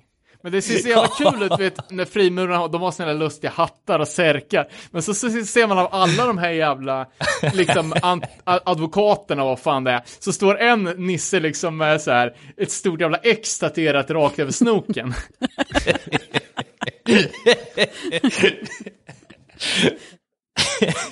det, det är kul, kul, att, kul att de håller på. Eh, Ja, han, han eh, Dave, Dave Hayes, det var, ju någon, det var ju någon som skrev om honom att, att han har chillat ur rätt rejält nu för tiden. Eh, working out at the gym and smoking a lot of weed. Så jag antar att han kanske har droppat. Ja, det, ska, ja, för det, det står, Dave Hayes är ju en av två äh, sångare i bandet Tyrant, eller X-Tyrant X. Ja, precis. Så blev väl det första bandet att officiellt, eller nej, det första bandet som jag kände till som var, som var ett Courage Crew-band. Eh, och det här var ju liksom, det, eh, alltså uttalat från början skulle ju vara det ultimata straight edge-bandet. Eh, med, med texter som I kill for straight edge och extremt mycket ansiktstatueringar. Eh, som på början av 2000-talet var alltså jävligt extremt. Nu kan man inte gå upp på stan utan att se någon jävla sopa med en ansiktstatuering, men då var det ju extremt. Ja, och sen så det blev, det, de, de hade väl något falling out då med liksom, eh, alltså i klassisk biker-anda så skulle de komma och liksom skära bort hans eh, ex-tatueringar liksom. Ja, jag, jag såg ju också, eh, för det finns en jävligt klassisk eh, Courage Crew ryggtatuering som flera av dem har med ett stort X. Det ser ut lite, lite ut som en sån här, ja men en, eh, något så, som en, eh, vad fan heter det, ett sånt här hemligt sällskap, en sån logo liksom som typ frimurarna eller Oddfellows har. Eh, fast då med X som är liksom den Courage Crew-sigillet. Eh, så såg jag att en snubbe har tatuerat en kyrkogård under där. Och sen på varje gravsten så är det då en Courage Crew-medlem som har droppat. Eh, Men Tyrant, alltså när de kom, eh, man, jag, jag tyckte det var ett jävligt fett band. Det var ju liksom ett, som ett skitigare variant på Until the End. 2000-tals mors. Och de släppte ju tre plattor mellan 2005 och 2011. Eh, men sen tycker jag att de vart liksom lite ut, eh, sopade av banan när Harm's Way kom. Det känns som att de liksom tog muskelknutte hardcoren till en ny nivå, så tänkte man inte på Tyrant. Uh, Men han, han Dave Hayes då, han med mest ansiktstatueringar. Uh, Jag såg någon, någon artikel från honom från typ såhär lokaltidning. uh, där han beskrivs som en mysig familjefar och han har sitt företag och, och skickade vi i chattgruppen inför det här avsnittet någon när han var hemma och firade jul med jul, jul, stickad jultröja, eller hur var det? Ja, men precis. Samtidigt läste jag någon historia om när han råkade eh, peta ut ögat på någon när han jobbade som bouncer. Eh, men eh, när jag pumpar Andy Hate, kanske eh, Sveriges mest legendariska Cour- militant... courage Ja. Sveriges mest courage crew kompatibla Kompatibla. människa. Fan vad saknar gamla Andy Hate alltså. Jag tycker nej, Andy Kungman, det är inte alls lika, lika fett. Skitsamma. Han sa att Dave Hayes numera var nazist. Kan du inte hitta någon info på det? Nej, men det verkar ju vara en grej med folk som liksom blir äldre och börjar... Eh, ja, det, det ska vara extremt i alla fall. Eh, sen såg jag lite andra band och nyare band om man vill eh, uppdatera sin Courage Crew playlist. Eh, Confession, HC, eh, Suffocate Faster, nya Treason som väl släpper på i, eh, som släpper på New Age. Eh, ett 2000-talsband som heter Too Pure To Die från Iowa. Och det var väl de nya banden tror jag. Ja, jag ska alltså, um det är ju eh, o... Alltså, det är ju otvivelaktigen så att Courage Crew och de här banden kom med ett sound som man gillar stenhårt. Alltså, jag skulle säga att de var ju, de var ju en bra bit före liksom, ja men, Detain och sådär som, som man tycker är jävligt bra nu, som släpper svintunga, feta hardcore-plattor, men, men gjorde det på liksom tio år tidigare. Um, och även liksom det här soundet som man hittar på Lifeless bästa platta, liksom. det är också uh, sjukt liksom Courage Crew-kompatibelt. Och också, um, ja men just den här uttalade hypen på straight edge, liksom, på ett annat sätt än Youth Crew-banden gjorde i sina texter. Liksom. Mycket, mycket mer eh, alltså glad pop i sammanhanget. Ja, precis. Eh, men, en grej som jag tycker ändå var, var lite kul, så visar att de här jävla grottmännen har lite humor. Eh, det var ju när de inför Ruiner, ett band då som jag antar har varit straight edge men som inte är det längre. Inför deras reunion-spelning så hade Courage Crew tryckt upp t-shirtar där det stod “Make Ruin Quit Again”. Ganska kul. Uh... Men jag tänkte på, ja nej jag tänkte på, det finns ju lite nyare band från Salt Lake City som utger sig för att vara militanta straight edge band. jag vet inte riktigt hur, eh, om de tillhör som typ Courage Crew eller om kan, finns det någon möjlighet att man spelar i ett militant straight edge band fast inte tillhör ett crew? Alltså de har ju band, ja men eh, Positive Reinforcement, Crow Killer, Witch Trial heter de väl? Ja, bra, bra fråga. Alltså, Cour- Courage Crew håller, håller ju till eh, framförallt i Ohio. Eh, Salt Lake City eh, är ju, eh, de har ju andra gäng. Eh, Ja men då, eh, Men, men Nej. nej. fortsätt, jag ska, bara, jag ska bara leta på mina anteckningar. Ja, men och, och vi, när vi är inne på, på, på Salt Lake City då, för det här är ju kanske det som har föregåtts av mest dokumentärer, alarmrapporter, alltså moralpanikupprop, eh, och faktiskt där de, alltså där det har hänt saker, där straight edge av, eh, av staten har blivit klassat som som ett gäng eh, på 90-talet, men att inför vinter-OS som hölls i Salt Lake City 2002 så klassades straight edge som ett terroristhot. eh, vilket är helt jävla av banan.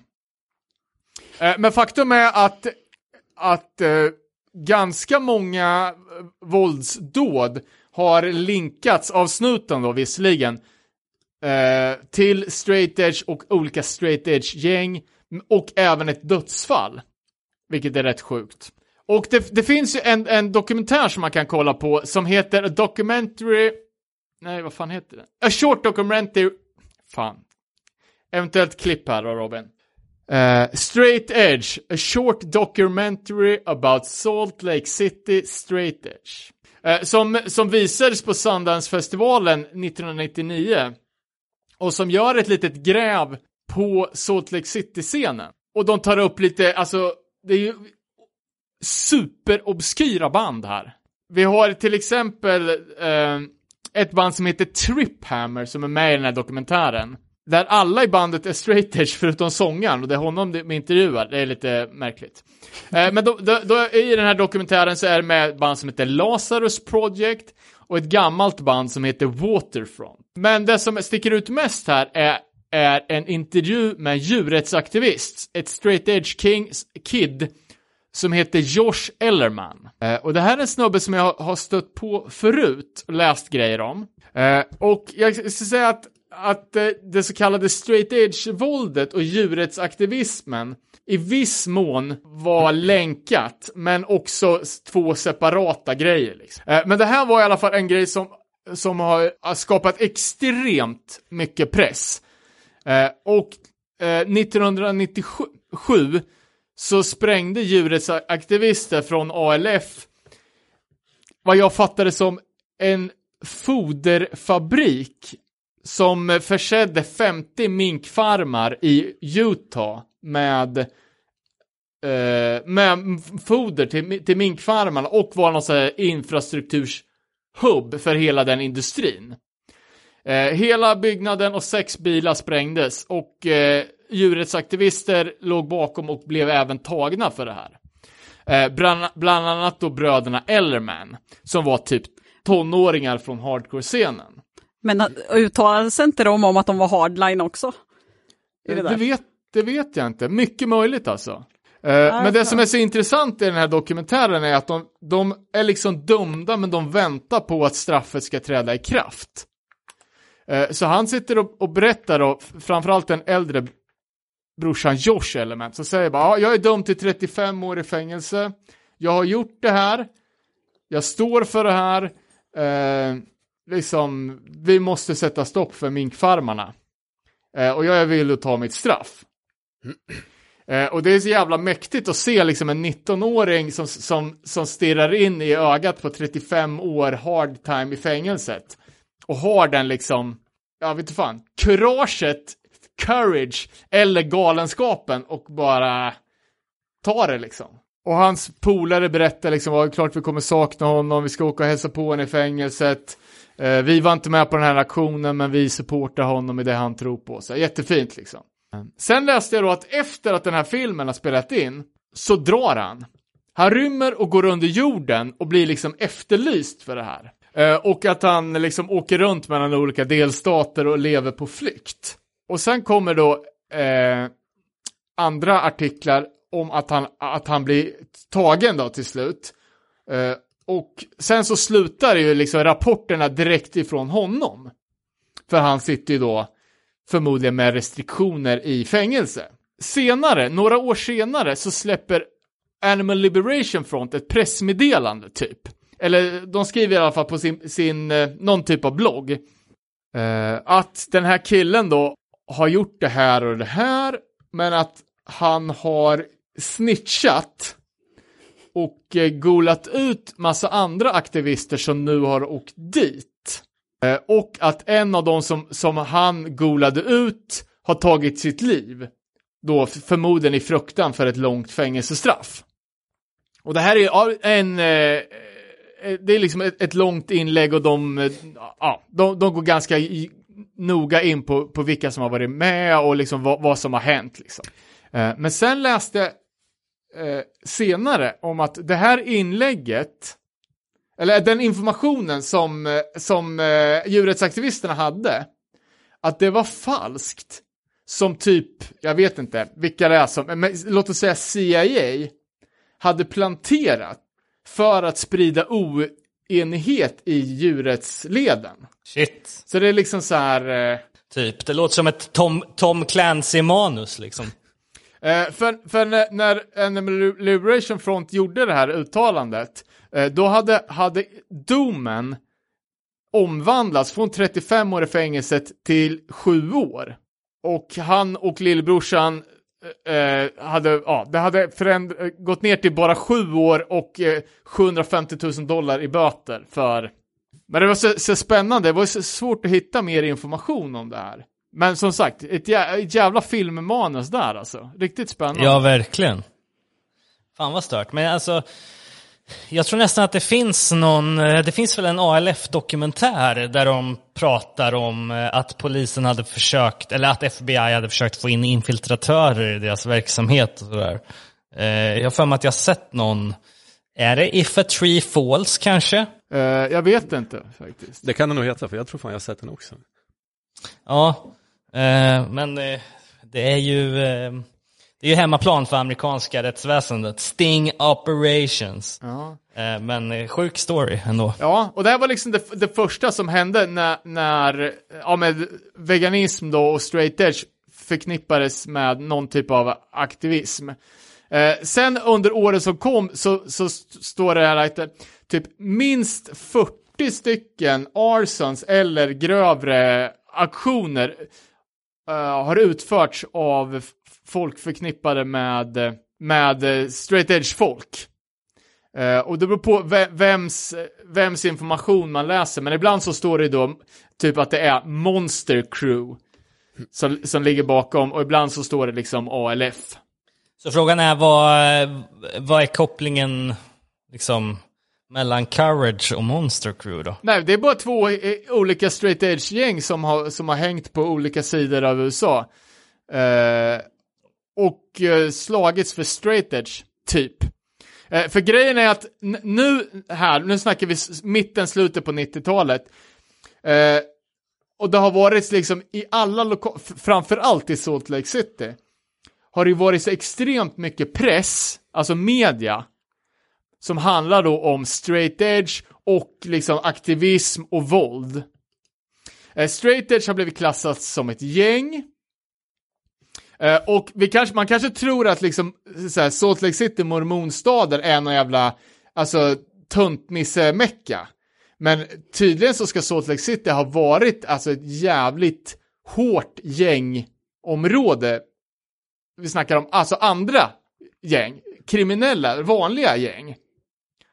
Eh, så Hardcore Kidsen sa jag bara att ja men för att klara sig här så behöver man klicka ihop sig. Och för oss var det liksom naturligt att man hade ett gäng för att det hade alla andra också. Och grejen med det här är nu att nu vet ju gemene man och alla kids liksom på high school vad straight edge är. Och med dess extremt tydliga symbol, ett stort jävla X på handen, gör ju då att alla ser ju direkt vilka som är straight edge. Eh, och då är det ju ganska lätt att gå fram till folk och blåsa lite rök i ansiktet. Och sen så helt plötsligt så har vi ett slagsmål. För det var liksom så det, det porträtterades från de som var inne i scenen att, du vet, alla ville slåss med oss. Vi var liksom inte, vi var inte mer militanta än någon annan. Eller liksom, men det blev slagsmål jämt. Och det var inte vi som, det var inte vi som började. Eh, men å andra sidan så, så läser man tidningsartiklar om liksom straight edge-gäng hoppar på, fyll, eller typ festkillar utanför en klubb och skär in ett ex i ryggen på dem med kniv. Eh, och då även då att ett eh, mord som, som ska ha inträffat på Halloween 98 tror jag skulle haft liksom eh, slagsmål mellan nykterister och eh, icke-nyktra personer som bakgrund. Men det är väl, det är väl, två, det är väl två saker här som är liksom avgörande för att det kan bli så här tror jag. Det ena är ju eh, hela liksom USAs eh, gang culture liksom som har levt och frodats ända sedan 70-talet liksom. Eh, och det andra är väl eh, ur, ur mitt perspektiv så är det ju sjukt mycket lättare att begå våldsdåd i USA för att eh, vad ska man säga, eh, verktygslådan är liksom så mycket större där jämfört med i, i, i andra länder. Liksom. Att, eh, jag menar det är klart som fan, om, om någon prejar, prejar mig i trafiken eller inte blinkar, jag har en AR eh, i, i bilen. Liksom. Det, Ja, visst. Ja, jo, och, och att alla de här ställena vi har pratat om, Detroit, Flint, Salt Lake City och även Syracuse var ju extremt hårda ställen. Uh, alltså jag, jag trodde liksom att, eh, att Syracuse var en, en liten gemytlig college-stad. Uh, när man lyssnar på intervju med, med Carl från Earth Crisis så säger han att liksom det var, det var typ en dag så var det 20 pers som hade dödade av skjutningar. Och att det var extremt. det är väl i Flint som Michael Moore i öppningen av Bowling for Columbine öppnar ett bankkonto och som tack för det så får han ett gevär från den lokala banken. Nej, så såklart att det är ingen slump att, eh, att det är de här sakerna, eller de här ställena de här grejerna händer. Nej, exakt. Men det, ja, det är ju sjukt alltså att det kan gå så långt. Eh, men samtidigt så får man ju, det, är återigen så här, man hamnar ju alltid där tycker jag nu för tiden när man ska lyssna på gamla band i att så här, okej, eh, det här är, har ju inte lett till så bra grejer, men eh, fan vad bra musiken är. Men man undrar ju också lite grann över det här med att mormonerna ändå var så stora i Salt Lake City. Har man aldrig hängt ut mormonerna som eh, skyldiga till det som har hänt? Eller att, nej men liksom att man har sett att det, liksom, har man tagit reda på vart straight edge-grejen kommer ifrån? Har, har någon, förknippas det på något sätt där eller? Ja, Nej, nej men däremot så, så är det en ganska snabb förklaring liksom att eftersom en majoritet av befolkningen redan är nyktra, de avhåller sig från promiskuositet, de röker inte. Därför måste liksom ungdomarna som ska rebella, de måste one-uppa det här och då blir det hardline eller att de blir militanta med det hela. Det är ju liksom Ja, en då är- förklaring som... Då är det ju mormonernas fel, för hade de inte börjat med det där så hade de ju varit extrema om de bara hade slutat att dricka Ja, eller hur? istället för att slåss. Men det var ju någon som sa att alla gick runt, eh, jag såg någon, eller läste någon intervju med någon polis där i Salt Lake City och han hade ju sagt att alla som var straight gick runt med tårgas där. Och eh, som så här, for fun så gick man runt och sprayade tårgas på varandra.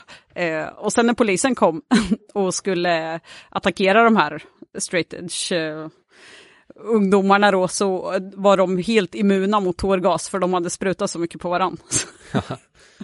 jag, vet Jävla inte, lifehack. jag vet inte hur sant det är men han sa att det var så. Fantastiskt. Eh, och även om all, alltså alla de här headline-rapporterna eh, kommer från, från, eh, från media och som är liksom twistade för att det ska bli skandal. Eh, så läste jag liksom, och- folk har skrivit på forumen med folk från hardcore-scenen att Salt Lake, i Salt Lake City så var Monster Crew, de var extremt ökända. Och att alla som var inne på hardcore i typ närområdet kunde nämna namn på personer som skulle vara med i det här gänget, men utan att någon kände dem. Så att de var ju liksom beryktade som fan, även inom hardcore. Man kan, kan dra en, en, en liten eh, snabb på vilka band, eh, för trots att de var jävligt få så fanns det en, de, en del hardcore straight edge band från Salt Lake City.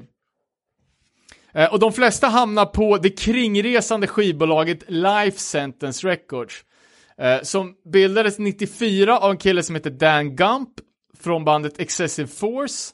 Bolaget fanns först i Kalifornien, flyttade sen till Illinois, men när det landade 96 i Salt Lake City eh, så var det liksom startskottet för en våg av i alla fall lite inflytelserika band.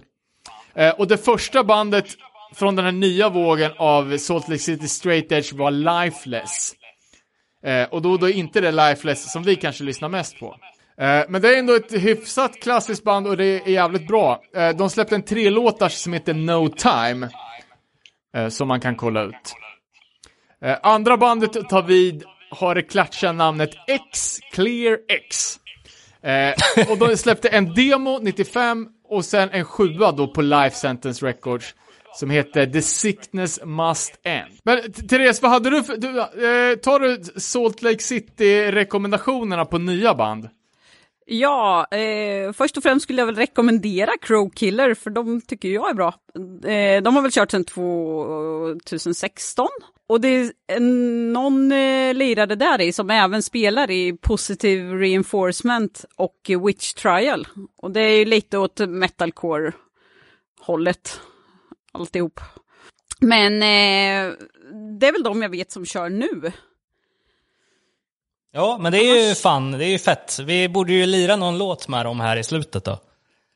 Ja. Och, och sen till ekvationen kan man ju också lägga att, att eh, Salt Lake City som stad har typ 180 000 invånare, vilket är, ja, det är inte Söderköpings size, men det är ju typ fan inte så mycket större än Örebro liksom. Så att det är ju ett, en liten jävla håla mitt ute i ingenstans. Men jag tänkte på, ja. Nej, jag tänkte på eh, i allt det här Cable 315 och de här. Ja, Var inte det lite åt hardline-hållet också, eller var det bara rykten? Ja, jag, jag, jag vet inte. Det var, det var ju ett klädmärke förknippat med eh, Syracuse Hardcore och eh, det var ju viss hardline-anstrukning, absolut, men Ja, och de körde ju mycket åt veganismhållet. Det var ju väldigt eh, mycket med det där att det var eh, vegankläder och sådär. Jag var inne och kollade lite grann på dem nu, vad de gjorde. Nu gör de munskydd med Pedal Resistance-loggan på, så att jag vet inte. det kan ju vara ett tips om någon vill ha. Fan vad kul. Ja, men det vore, det vore kul att göra ett Syracuse-avsnitt också, för det är, ju en eh, ganska spännande scen med mycket goa band som man inte kanske pratar om så ofta. Så är det ju. Var det något av de här banden som någonsin var i Sverige och spela? Kan jag inte tänka mig. Inga Europaturnéer för dem? Ah, jag tänker så knaka. Jag vet inte om Tyrant kanske har spelat i Europa. Känns inte som att de får flyga. Nej, exakt.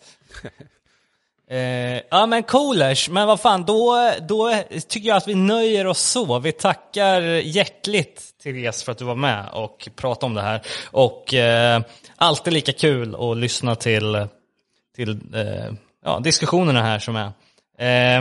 Ehm, vi, eh, vi ska tipsa om eh, våran eftersnacksgrupp, Nere Panol Podcast Eftersnack på Facebook. Vi har också Nere Panol Podcast på Facebook. Nere Panol at eh, gmail.com kan ni mejla till eller kolla in oss på Instagram eh, at Nere Panol. Eh, nästa gång så eh, har vi förmodligen nyheter om vårt nästkommande vinylklubbssläpp. Eh, alternativt får ni Tills hålla... dess, skriv en kommentar eller en recension på sekunderna. Ja, exakt.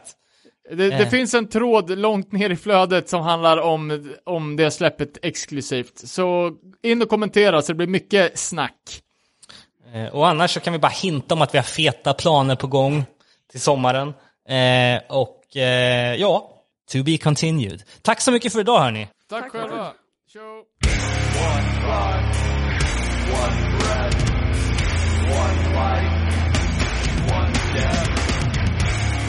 one breath, one life, one death.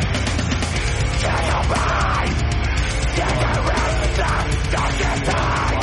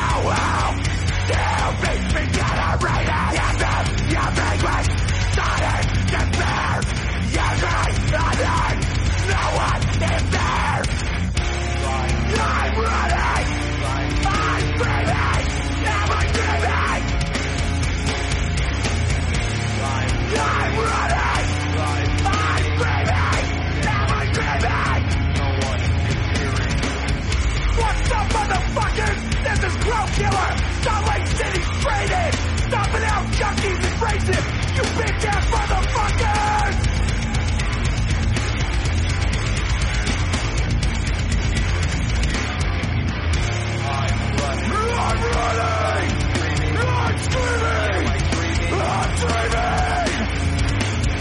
I'm running! I'm running! I'm screaming!